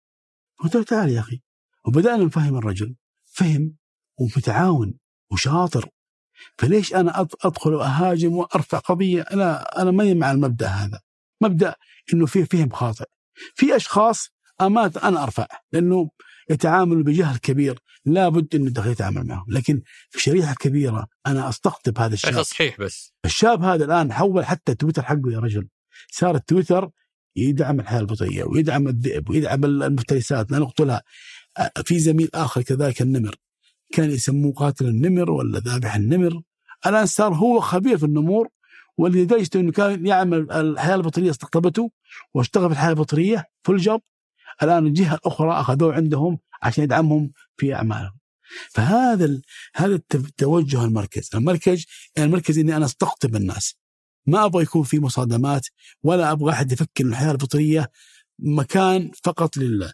إحنا نعمل حتى مع ال- ال- ال- الأخوان والأخوات اللي عندهم فهم خاطئ عن الحياة الفطريه بصورة ممنهجة وصوره نحن نجذبهم لنا. كيف أوصل لهم؟ الآن عندنا المالتي ميديا عندنا اجتماعات عندنا متابعات حتى كذلك المخالفات أن نخالفهم ندرس حالة كل مخالف على حدة. الله يقويكم. هذا يقول آه نتمنى لكم التركيز على الحياة الفطرية الوعول الجبلية تحديدا وتسيير دوريات في منطقة تبوك مركز علقان. وجبل. اللوز وشرق بجدة اوشكت على الانقراض بسبب الصيد الجائر من قبل القناصين وعدم وجود فرع لكم. عندك خبر عن المنطقة هذيك؟ نعم عندنا خبر وأنا طبعا الآن عندنا حتى مع الزملاء في في المحميات الملكية تعاون بهذا ال- العمل للمتابعة الآن الحماية إن إحنا نتعامل مع الأمن البيئي يمكن هذه الرسالة تو- توصلها ممكن نوصلها للأخوان في الأمن البيئي لكن آه، الشيء الجميل ترى إحنا عندنا إطلاقات كثيرة للوعول في هذه المنطقة. الآن أعتقد مع وجود الأنظمة اللي وجدت الآن في في نظام البيئة مع اللوائح راح يخفف كثير كثير. أديك معلومة ترى إحنا وقعنا الآن مئة أول 130 مخالفة. من 1000 إلى 100000 فكان الله في عونهم. هذا يقول يعني رجع يفتح موضوع البابون. آه، يقول لو لو سمحت إحنا عارفين إنها دراسة نبغى نعرف متى تنتهي. يبغى يعرف متى تنتهي الدراسة. طيب. حقت موضوع البابون. انت تقول 40 سنة. الله يعينكم. اي هي تاريخية. صح. بس أنا ما بس متى نشوف نتائج؟ أنا النتائج راح تبدأ إن شاء الله أول ما نطبق النتائج الدراسة على على الثلاث المناطق هذه حنبدأ كبرنامج يعني يكون يمكن ثلاثة ثلاثة أربع سنوات. بس من اليوم متى متى متى تكتمل الدراسة؟ الدراسة تكتمل إن شاء الله. أما حشوف في نتائج يمكن بعد أول سنة تقريبا هيبدأ يشوف في بعض الأمور. لكن بصفة عامة الدراسة تقريبا 18 شهر تكتمل كامل. لكن حيكون نتائجها من الأول. أنا عندي طبعا خ- خطة عمل إنه إنه حتى الجمهور هيشاركوا معنا عن طريق ابلكيشن في الجوال عن طريق معلومات. فما راح يكون يعني النتائج مرة ويعني تطبيقها ولا قريب مرة. أنا ما أقدر أوعدك أقول والله بعد سنة بنتهي منها. أعداد كبيرة وخص لها 40 سنة. فلا بد أن أشتغل عليها تدريجيا. فانت تقول الدراسة يبي لها سنة ونص؟ بالضبط. الأثر ممكن من, أو من بعد سنة يبدأ؟ بعد سنة يبدأ. تشوف إن ثلاث سنوات نعرض. النتائج نعرض المعلومات. ولو النتائج ظهرت معانا من بدا- بداية ال- ال- المشروع الدراسة هذه حنطبق طوائف ثلاث المناطق. وإذا نجحنا فيها وإن شاء الله بننجح إذا نجحنا فيها مباشرة على كل المملكة. ويكون في برنامج متكامل. هذاك الوقت نحدد آه، سنتين ثلاثة أو سنة نبدأ نحددها بذا لكن الجمهور إن شاء الله أول ما نبدأ نطبق بعد ثلاثة مناطق يبدأ يشاهد إن شاء الله النتائج ود هذا أبو ركان يقول ود بس بقول لك كلمة إذا سمحت لي. اوجه للاخ لابد هم يساعدونا الجمهور لازم يساعدني. أنا كيف يساعدك؟ يساعدني إيقاف إطعام الكائنات الحية. اي يساعدني إنه يوق- يوقف يعني يرموا ال- المخلفات العزائم والزواجات في المنكبات هذه مهمة جدا ما يتعامل مع الكائن. هذا أبو ركان يقول ودنا بالمحميات يستفيد منها الجميع. للأسف اليوم رحنا وتعنينا للدهنة بنشوف الظبا ومنعونا البيئة. مع إن الناس مصورينها أمس. ففي ناس عندهم واسطات يدخلون وإحنا الضعوف ما ندخل. وش رأيك؟ هل في واسطات أول شيء وين؟ وين في الدهانة؟ وين بالضبط؟ في أي محمية؟ آه، في المحميات الملكية أنا ما أقدر أدخل فيها يعني. أتكلم الآن المح... الان شوف في منصة فطري عندنا في أيقونة مكتوب المحميات لزيارتها. بس عندنا ترى بروتوكول. أنا ما راح أسمعها تخش بالسيارة في المناطق الحساسة تدمر البيئات لكن في بروتوكول إحنا مرحبين بالعكس الله اليوم في. موقع فطري منصة فطري ولا نعم في منصة فطري مكتوب مع في عندنا ايقونه حقت المحميات. الآن نحن أقدر أدخل وأختار محمية وأسوي طلب نعم. زيارة. طبعا مو كل المحميات في محميات ممنوع الدخول فيها لأنه تحت تأهيل أو إعادة تأهيل فما يدخل فيها أحد لأنه تحت يعني كونستراكشن فيها. بس أتكلم عن محميات الآن عندنا ثلاثة محميات وضعناها والتعاون مع وزارة السياحة. الوعول ورقم المعارض وجبل شدة في في الباحة أو قريب من الباحة. هذه الآن ثلاثة الآن الماضي وضعناها في الشتاء حولنا وضعنا عده ثلاثة محميات للاستفادة منها. آه هنا في سؤال يقول يحمي طيور مهاجرة عشان يجبرنا نروح للسودان وندفع هناك آلاف الدولارات. تراها نفس الطيور اللي كانت عندنا وعيتوا علينا نصيدها هذا هذا موضوع مهم صراحة نتكلم فيه. أتكلم عن الصيد وتنظيمه. أنا أعمل ما علي في اتجاه هذه الكائنات بس للمعلومية المنظمة الطيور آه، استد- يعني طلبوا اوجهوا لنا دعوة لنقل خبرة تنظيم الصيد من عندنا وحضر منها دول كثيره. إحنا استغلينا الفرصة وبلغنا للزملاء كنا نحن قاعدين نحمي وغيرنا ما يحمي. أنا ما أتكلم بأي دولة بحد ذاتها عدم ذكر اسماء بس جهات أخرى أو دول أخرى بتسمح بالصيد. والحمد لله إنه فعلا تم التنظيم خصوصا مع ال- الزملاء في المنظمة الدولية للطيور المهاجرة وتم التواصل مع الجهات وبدأوا فعلا يتعاونوا معنا. بس أنا أتكلم ترى ما هو عن أنا بدي فهي أمنع خطأ. سواء صارت هنا ولا هناك إي أنا أنا أبغى أحمي أنا أبغى أبغى تصيد الطير بس يكون متوفر مو تصيد تحط لي شباك كاملة تصيد كميات والله أنا شفت كليب ان إنه كانوا وضعوها في ثلاجات آه، فريزر هذه ال- الأرضية أكثر من أربعة أو خمسة فريزر كيف في قرية تشبع قرية. عارف إيش اللي صار؟ ال- الكهرباء انقطعت فكل هذا المليان خرب. رمي خرب. طب أنا ك... أنت كيف تبغى طيب شوف المشاكل اللي بتجينا الآن من عدم توفر بعض الكائنات. الآن في يرقة في الطلح الان ترى الطلح بيصاب بعض اليرقات. هذه اليرقات الآن صارت منتشرة أكثر في شمال المملكة بالطلح. إيش السبب؟ إنه الطائر اللي يتغذى عليها ما هو موجود. فهي توازن بيئي أنا بحاول إني أوازن ما بين رغبتك في الصيد وأنا أحترمها تماما وما بين التوازن البيئي الموجود. فأنا ما راح أسمح مثلا أقول تعال صيد وأنا عندي أمامي مشاكل كثيرة أحاول أعالجها. ترى عندي كمان أنت الآن لما تبغى تصيد ترى بتصيد كمان طيور وكائنات متوطنة موجودة. تخيل عقل عسير الآن. آخر إحصائية قبل يمكن سنتين 60 60 اللي باقي هذه على كوكب الأرض. بالضبط هي ما هي ما هي موجودة في الدنيا كلها إلا فقط أو الظباء الفرسانية. تخيل إنه هذا لو انقرض وين بنجيب مثله؟ ما عاد في. هذا سؤال طويل أه، عن موضوع ال- الحمير في جزيرة فرسان وان مؤخرا هي نقلت بكميات هل نسقوا معكم؟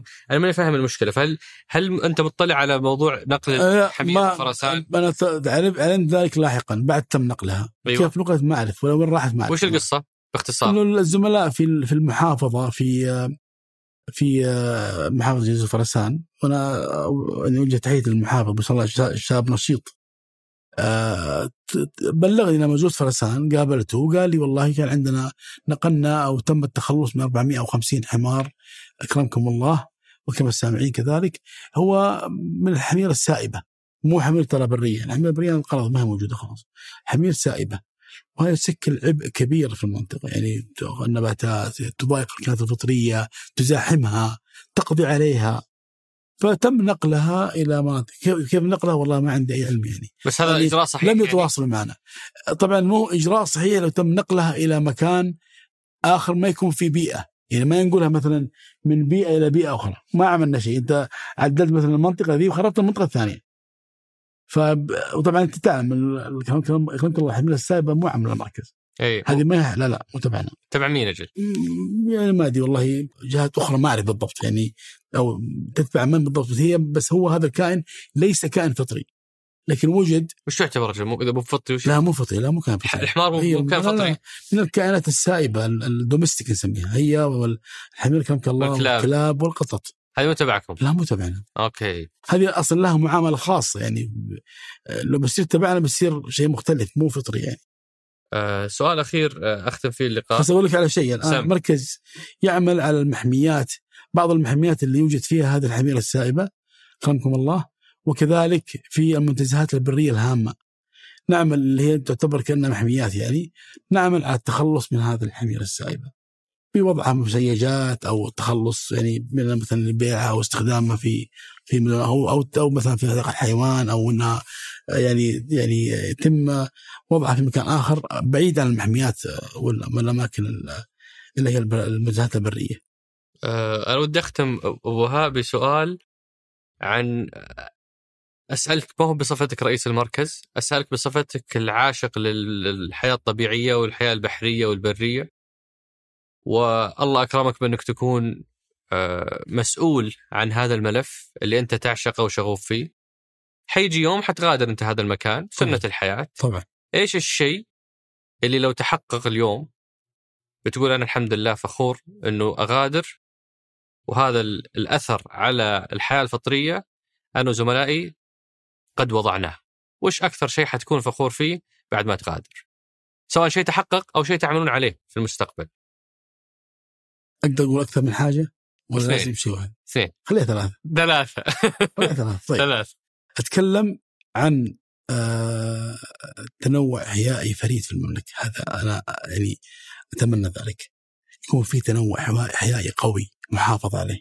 هذا حلم وإن شاء الله بيتحقق بإذن الله. هذا واحد. واحد. اثنين البيئة البحرية. البيئة البحرية ترى أتكلم لك عن الشعب المرجانية فقط. نحن عندنا افضل اثنين في البيئة شعب مرجانيه على مستوى العالم كله. حتى تتحمل درجات الحراره العليا. التنوع الحيوي في أنا اذكر أتكلم مو بس شغف. شغف وحب وشفت بعيني. يعني شفت أنا شعب مرجانية كوندنست ما شاء الله بقوة. في البحر فهذه أتمنى أن نحافظ على هذا الشيء طبعا أنا ما أتمنى فقط أن تحافظ محافظة وتأهيل وزيادة هذه حلم أنا احلم فيه وإن شاء الله نبي بإذن هذا اثنين. اثنين نتكلم على زيادة المحميات في المملكة والمحافظة عليها. المحميات بالتصور الحديث ليس بالإغلاق. المحميات أنا ضد تماما تغلق بالكامل لكن تنظم أنا أخلي المحميات هذه شيء منفتح. ليش أقول محميات؟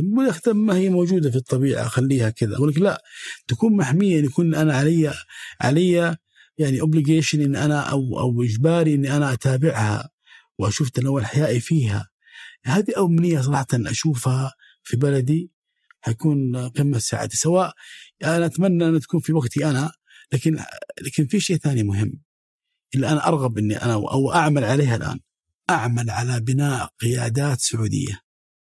بكل الاحترام أنا مؤمن تماما بالشاب والشاب السعودية. الآن كل التعيينات في البيئة البرية والبيئة البحرية والمحميات اللي عينتهم كلهم سعوديين.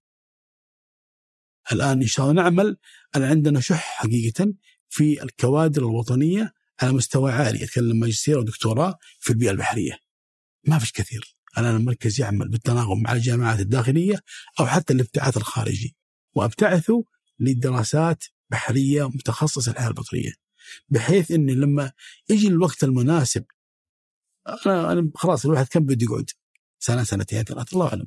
لكن لما المكان تترك المكان يكون فيه قيادة ويستمر. هذا هو نجاحي أنا كمحمد قربان رئيس تنفيذ الحاله الفطريه نجاحي ان أشوف هذا المكان يستمر بشباب وشابات سعوديين يقودوا هذا المكان إلى الأعلى وإلى فوق إن شاء الله. بالتوفيق لكم في تنمية الحياة الفطرية وإثرائها في السعودية. شكرا لك أبو بهاء. الله يحييك. شكرا لك مقدر.